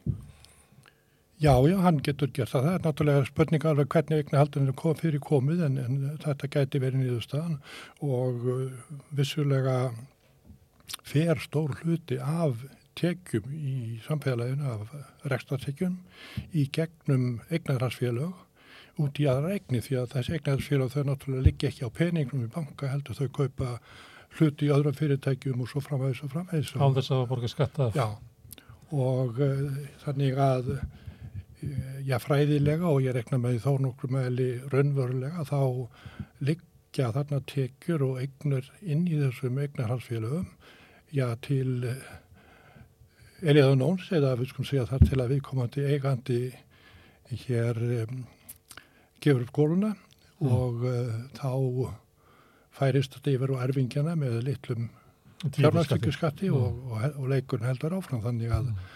að þetta er trúlega svona uh, hvað maður segja staðta svona skattaskjól sem að er virkt á Íslandi í dag eftir að, eftir að aflandsfjöluðin svona dopnuði heldur. Mm, það eru félag sem eru bara hér innanlands. Skattaskjólinn eru hér bara í ármólanum. Og... Það eru skráð 77.000 eitthvað, 50-77.000 félag á Íslandi. Mm, sem EHF. Sem að, já, já, allt félag EHF og, og hérna og HF, langmestil hlutin náttúrulega EHF. Já. Í þar af greiða einna með 20.000 félag tekjaskatt mm. og ég held vel innan við helmingu borgar tryggingagjald sem að því segjar okkur að helmingar sem félagum er ekki með neina launaða starfsemi þar sem starfsemi þar sem greiðan er um og maður spyr sér hvað þessi félag voru að gera ekki aðeins það heldur að þeim fjölgar um svona 1000 til 1500 á ári. Mm. án þess að þeim sem að greiða tekjuskatt fari fjölgandi í samræmi eða nála til mm sem að segja mér eitthvað er þarna eftir einhver er að slæjast á þessum eftvaki. Mm, það sé miklu hagkvamara jáfnveil áttur sem með lítinn rekstur að vera með EHF og njóta skattastöðu þess heldur já, en að vera launamæður. Já, sko, í launamæður held ég að í fastum tilveikum eða kannski ekki fastum en í mjög morgun tilveikum er ekki neitt rekstur þetta er bara eignar halda á. Það þú að tala um svona yðnað menn sem er með EHF? Nei, þeir, þeir eru borga og það sem er líka sérstatt við þetta er að innamenn, verkfræðingar og læknar og svo því sem að reyka sína starfsefni sem eignarstunduna, þeir, þeim ber að reikna sér ákveði endurgjald, mm. lámars laun sem að þeir greiða síðan almennan tekniskata. Mm. Ef að maður sittur í, sem framkvæmtastöður í sínu engal hlutafélagi sem sísla bara með papýra, mm. hlutabref og, og, og tvílet, þá er engar slíkar skildur á hann. Hann þarf ekki að rekna sér krónu í, í rekna endurgjöld mm. og getur þess að verið eins og mann sjá líka á, á skattskannu annarkortið mjög lágar eða alls engar almennar lunaðsík.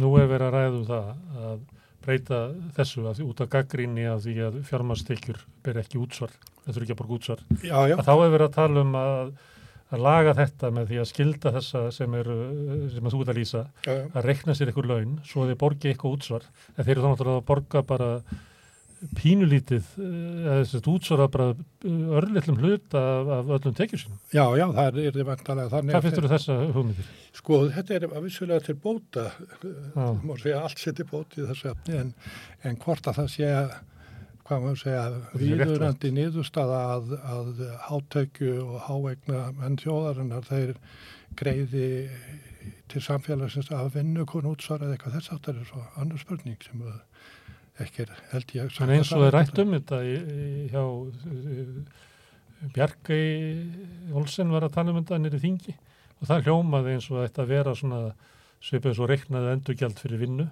já, já. þannig að menn myndu borga eitthvað en þá eru menn kannski að borga af eins og þessu bara með 400 skallar manni menn sem eru kannski með 10 miljónar manni Já, ég mann nú ekki hvað sko hæðst að reiknaði endurkjaldið í, í, kerfið er, en það er einhver staðar held ég já, kannski um 1,2 miljónir á mm. mánuði fyrir þá sem eru hæðst launaðir sko. Já, verkræðingar og, og það er mm. kannski eitthvað meira en, en það er ekkert nála til sem að, að hvað maður segja, þeim hagnaði sem að rennur í gegnum þessi eignarhalsfélag. Mm. Þú sagðir áðan að þetta væri öðruvísi öðru löndum.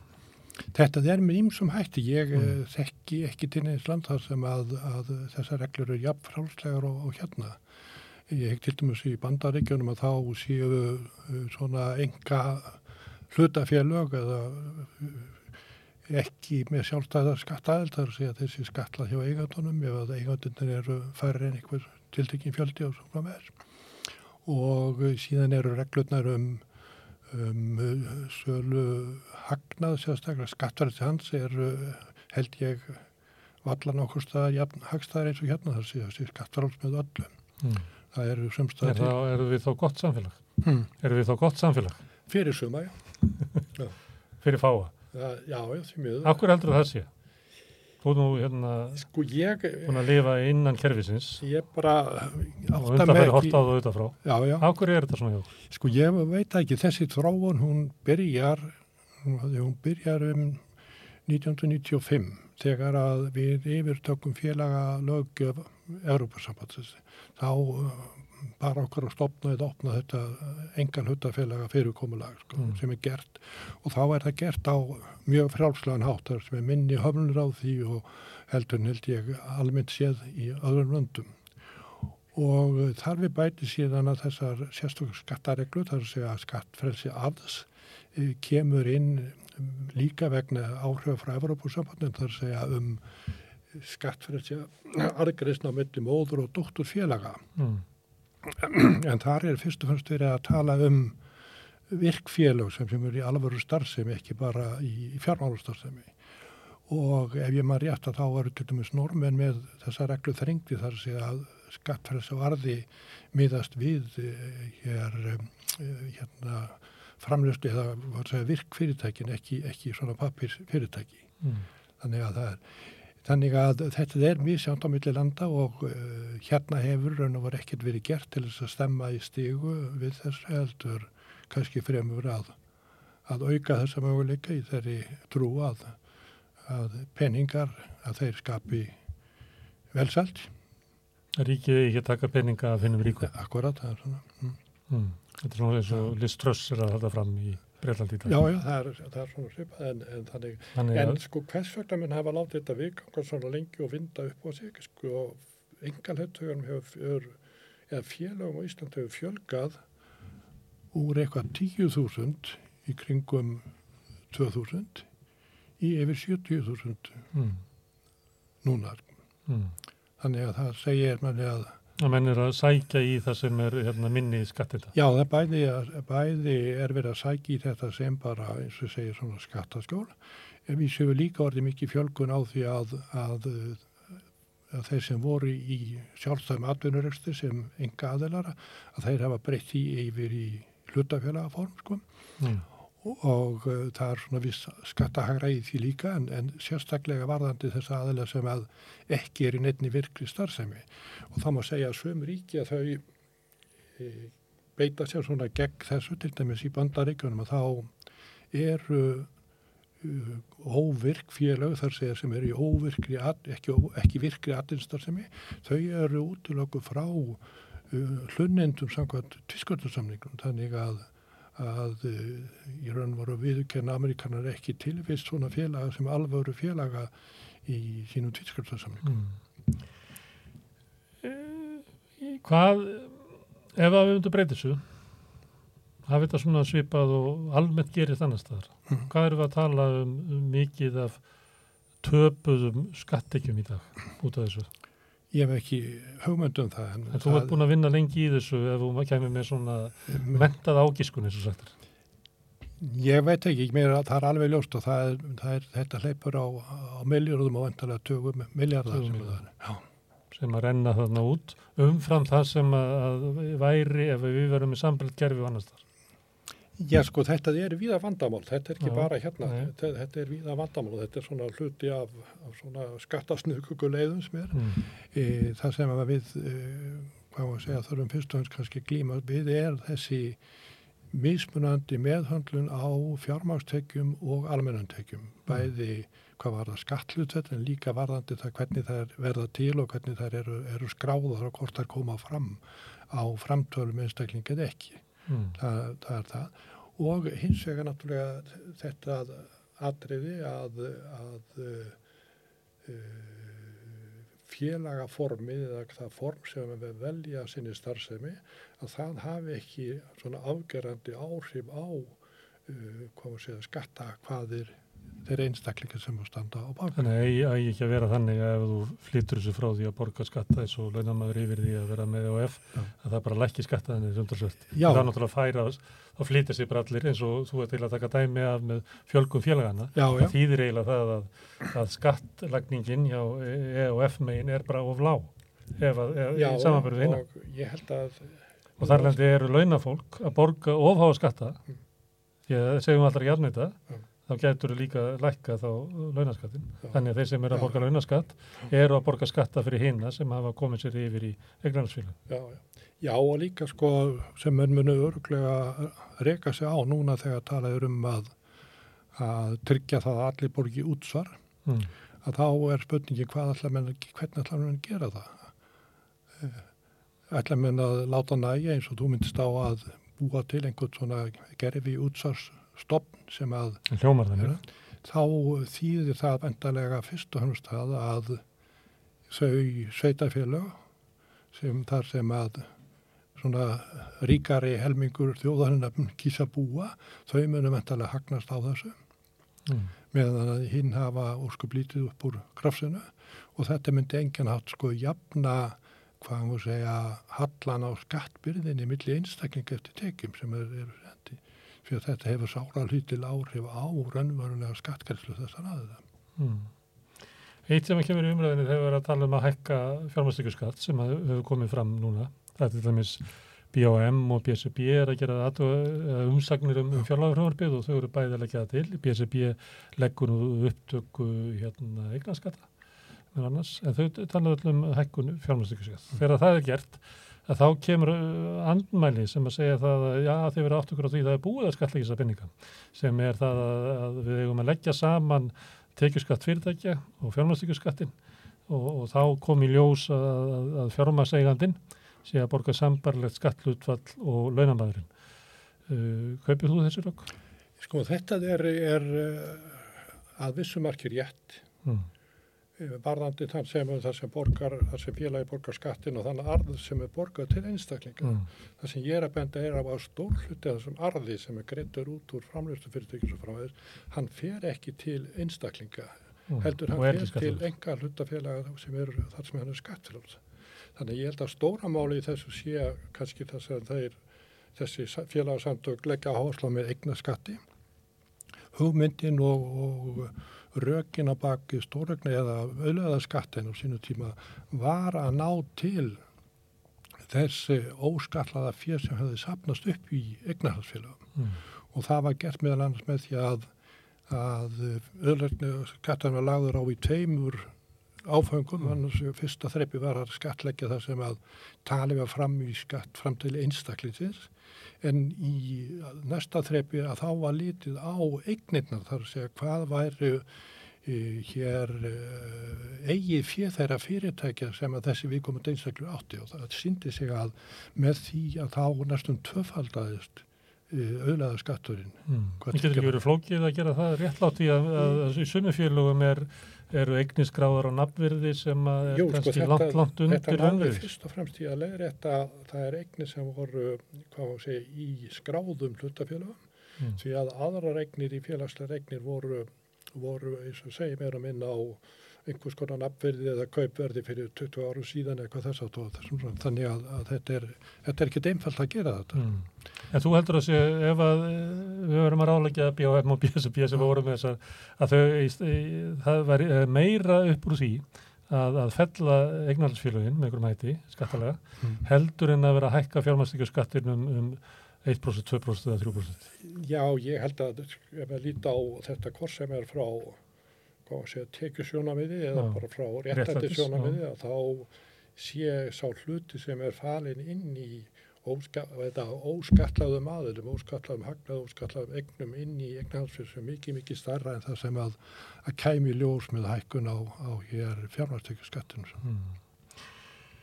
Ég spurði á þann, akkur er þetta svona hjá okkur, akkur er svona, er svona, já, slakar í skattin nefnda að þessu leiti allavega og kannski að mörg öðru leiti, það er nú verið aldrei fram að ég séu skatta undarskot og skattsvik eftir meir en annars þar. Það er eitt af því sem að, var svona áfallið þegar fólk sá inn í Panamarskjölinn að þá leit svo út að, að Íslandíkar hefur notað skattaskjól bara miklu, miklu meira heldur en aðra þjóður. Þannig að rýmislega þessi bendi til þess að, að e, við látum of mikið eftir gagvart þeim sem eiga fjöð þegar kemur að skattlæningu. Getur verið það að ástæða fyrir því er að þeir sem ættu að sækja um að það eru gert vel, sem var í verkefliðsreifingin, kannski svona vinstir sinna flokkar, hafi ekki haft skattamál haft svona afgerandi á stefnusgráni og það ætti að vera.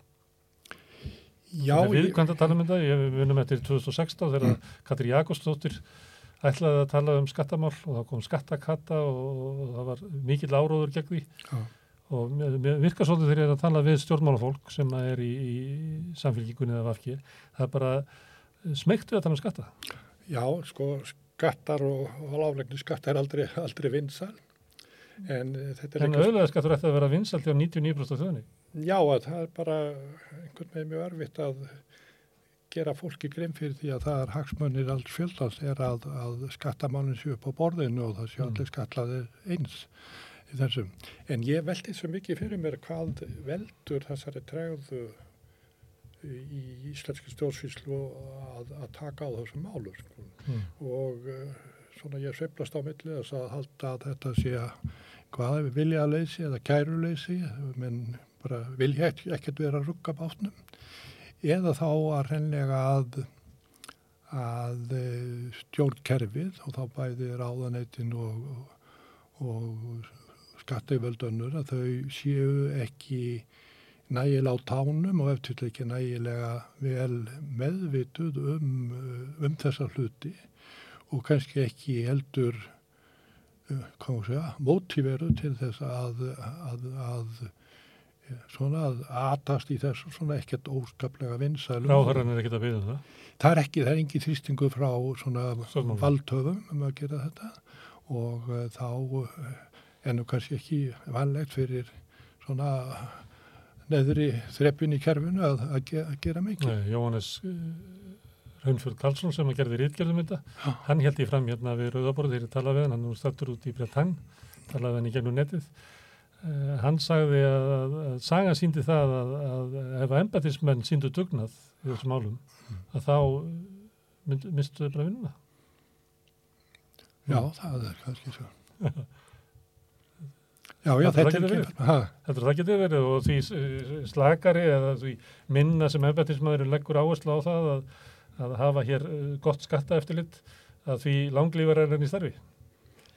Ég skal nú ekkert segja um það en eh, ég vil ekkert leina þeirri skoðun minni að, að námtins sko pólitíska valds við efstu lögin í ennbættismannkerfinu eru mm. allt og mikil. Það er óhjákvæmilegt að hvað maður segja, vilji, hvort sem hann er úttalaður eða, eða bara liggur svo í loftinu, vilji ráðamannina hefur áhrif á þær, hvað maður segja, aðgerðir og viðþór þeirra sem að þarna neða.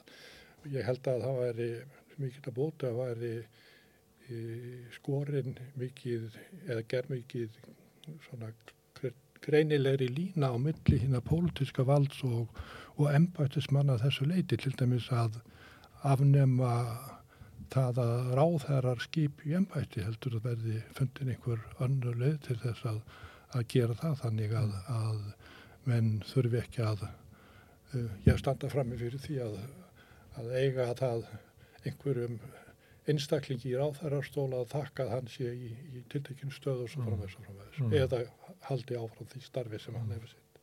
Og ég spyrja hvernig þetta er erlendis, er litið svo á að að þetta, þetta, þetta mál, nefnt að skatta sé svona mikið réttlætismál í samfélaginu það sé eðlilegt að tryggja svona gott sjálfstæði?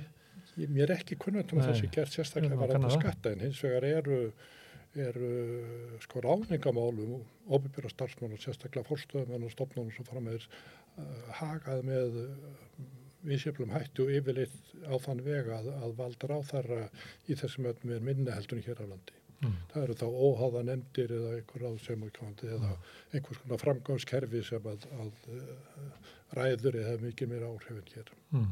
Það mætti skoða þetta því það lítur þannig út að það hafi verið raunverulega stefna íslenska stjórnvalda að hafa skatta eftirlitið tildur að slæðilegt og skilji eftir gött eins og með egnarsfélags út að benda núna og þegar já, að ég sagði að þú hefði komið inn í ráðunni til 2009 sem aðstofað með Stengrims þá var eitt af því fyrsta sem því gerðu var að loka aflandsfélagunum eh, svona gátt sem að þar var sem að hafði verið ábendingar til ráðunnetisins árum saman það voru, árum saman það er, það er til að voru bara teknar upp úr ráðleggingu sem að, að hérna, skattendarskota nefndir á liðnum árum hafðu margótt benda á og benda á leiðir. og sem að menn hafði gert í útlöndu fyrir löngu síðan. Já, já, og og, jú, jú, því miður er svo að, að það er ekki bara að, hvað að segja, tregða svona við að bregðast við svona röddum innanlands heldur hefur líka skort mikið upp á það að Íslandstjóttu framfylgdu þó þeim ráðleggingum og uh, í mörgum tilfengum samkómulega á milli ríkja um uh, hvað var sé aðgerðir í svona málum, bæði innan, innan Evrópussambandsins á vegum OECD og núna varðandi skattlagningu stórfyrirtækja þar sem að uh, G20 ríkin hafa komið sér saman um ákveðnar uh, megin aðgerðir um skattlagningu alþjóðlegar félaga og um lámar skattlagningu stóra fyrirtæki innanlands. Ég sé ekki að það sé neyn reyfing á þessum málum. Uh, og við horfum upp á það að vera hér með alþjóðlega fyrirtæki eins og í áliðinu eða vantarlega í gagnavinnslunni og mm, og, og fleira þar sem að skilja nánast ekki krónu eftir í skattekjum hér á landinu þó að allur hagnaðu þeirra, allur hagnaðu þeirra komi, komi hérðar sko. mm. og, og séu vaksandi mjög í, í stóriðinni núna já, já, og, og nú er en við höfum um að að- fagna því að, að, að, að arður landsvirkina hækki pínulítið já, og fiskeldi og, og vindorkask verði í Mm. sömulegis í eigu einhver æreldra Já. aðeins og, og reynsla okkar af þessu er það að þessir aðeins þeir borga ekki krónu í skatt ef þeir mögulega að komast hjá því mm. Og hvort er mögulega að komast hjá því veldur á því hvaða ráðstafanir yfirvöldi við komandi landi gera. Mm. og við leifum þeim svolítið að komast upp með það Já, það er frækt álverið á Östurlandi sem hefur hlut út mikið álið en aldrei Já, baka já. sett Og ef ég maður rétt að þá er í Noregi varðandi fiskeldi. þeir voru að breyta þar, þeir ætla að skalla ekki að Já, það er að þeir hefur líka með það? reglu það að, að, að við skattalega tekjufæslu hjá fiskelsfyrirtækjum sem eru eigu erðaldra aðila, Mm. þá ber að, að miðafst við markaðsverð þar sem koma upp fyrir svo kallaða milliverðlagningu. Já, Já, já, er, er, er, er pláa í íslensku sjárótu við þar sem menn er að selja sjálfum sér Já, á. Norðurlandi. Og mér finnst uh, normana núna að voru stórmerkilegar þannig að, að uh, það er þessi eitthvað sem að menn ættu að skoða en þeir Mm. gera ráð fyrir leggir en voru auðlindar endur skattbæði á, á hérna, fiskeldi og uh, hérna, vindorku framlöðslu Mm. og, og reyndar uh, svona auka skattlegningun í vassorku uh, raforku Já, framlöðslu og það er gert með því að það er tekjuskattu fyrirtækja sem er eh, eitthvað, 30% í Nóri svo þ- fyrirtæki í þessum geira Já. borga herri tekjuskatt. Nei, það er, það er þannig að það er að borga öll fyrirtækin, ég held að tekjaskattin Noregi sé 22% Já, á fyrirtækin já, og það er ekkert verið að breyta því að þau borga 22% mm. Mhm. tekjaskatt. Þar að auki borga þau skatt sem er 70% af hagnaðinum mm. sem er reiknaður án þess að taka nokkuð tillit til fjármákstilfæsna. Það sé það er bara teknir brútt og tekjurnar og raunkostnar Rekstra kostnaður og en ekki fjármaskostnaður. Ek- ekki fjárma, en fjárfestingin sem Mm. þeir leggja í, hún er dregin frá líka sko, Já, þannig að já. það er ekki þá, Afskriftir að, það að tekur sem umfram það þá Mm. borga þeir sem sagt 40% af því til viðbótar við, við tekjuskattin, þannig Mm. að já, jaðarskatturinn þar samtals er 62% já. og, og Finnst þér þetta 67 ha, Finnst þér þetta snjált? Þetta er bara í raun og veru önnur leið til auðlenda skattlagningar þar að segja uh, í raun og veru er skattstopnin hliðstæður því sem er í veiðigjaldinu hérna þar að segja að hann er reiknað með sama hætti. Í veiðigjaldun reiknað út frá meðaltali fyrir allan atvinnugrinni þannig er þetta reiknað með á, á grundið til hversu eins fyrirtækis sem Mm. er skiljanlegt þær sem er aðstæðnar eru svo, eru svo breytilegar eh, til dæmis í raforku framlöðslu og svo framvegis En prósentan herri. en hm, En prósentan herri. Prósentan herri, og já, prósentan hún, hún fer bara eftir skattinu, sko, Mm. eftir hérna, hérna umfram hagnaðinu, sko, Mm. Sem er reiknum með þetta. Þannig að þetta er ekki, þetta er ekki viðbóta tekjuskattur því að þar koma inn fjármála fæslutnar og afskriftirnar og, og hérna vakstareikningur og þess að það er öllu sleft í þessu, það er Mm. bara tekin raun kostnaðurinn og þar með raun fjárfæsting Mm. og uh, lagt á þann þessum út úr því kemur. Mm. Heldur að Íslandika þetta skoða þetta í sambandi við sjálfsög? Alveg tímalust, þetta er, er, er önnur, eins og ég segi, bara önnur leið til auðvendu skattlagningar og, og þetta geti komið að góðu nótum í sambandi við uh, bæði fiskveðarnar, við vindorkuframlegsuna, við fiskeldið og svo framvegis. Þetta er til þess að gera einföld aðferð og hún byggist að fullu á gögnum sem liggja fyrir í framtölum og ársreikningu fyrirtækja þannig að, að við finnst glabræði að menn skoðu ekki þennan kost. Mm. Herðu, við kannski gerum það senna. En endri ég þakka fyrir að staldra þetta við á síðkvöldi, þetta er á skatta. Já, já, ég þakka bara sem þessu.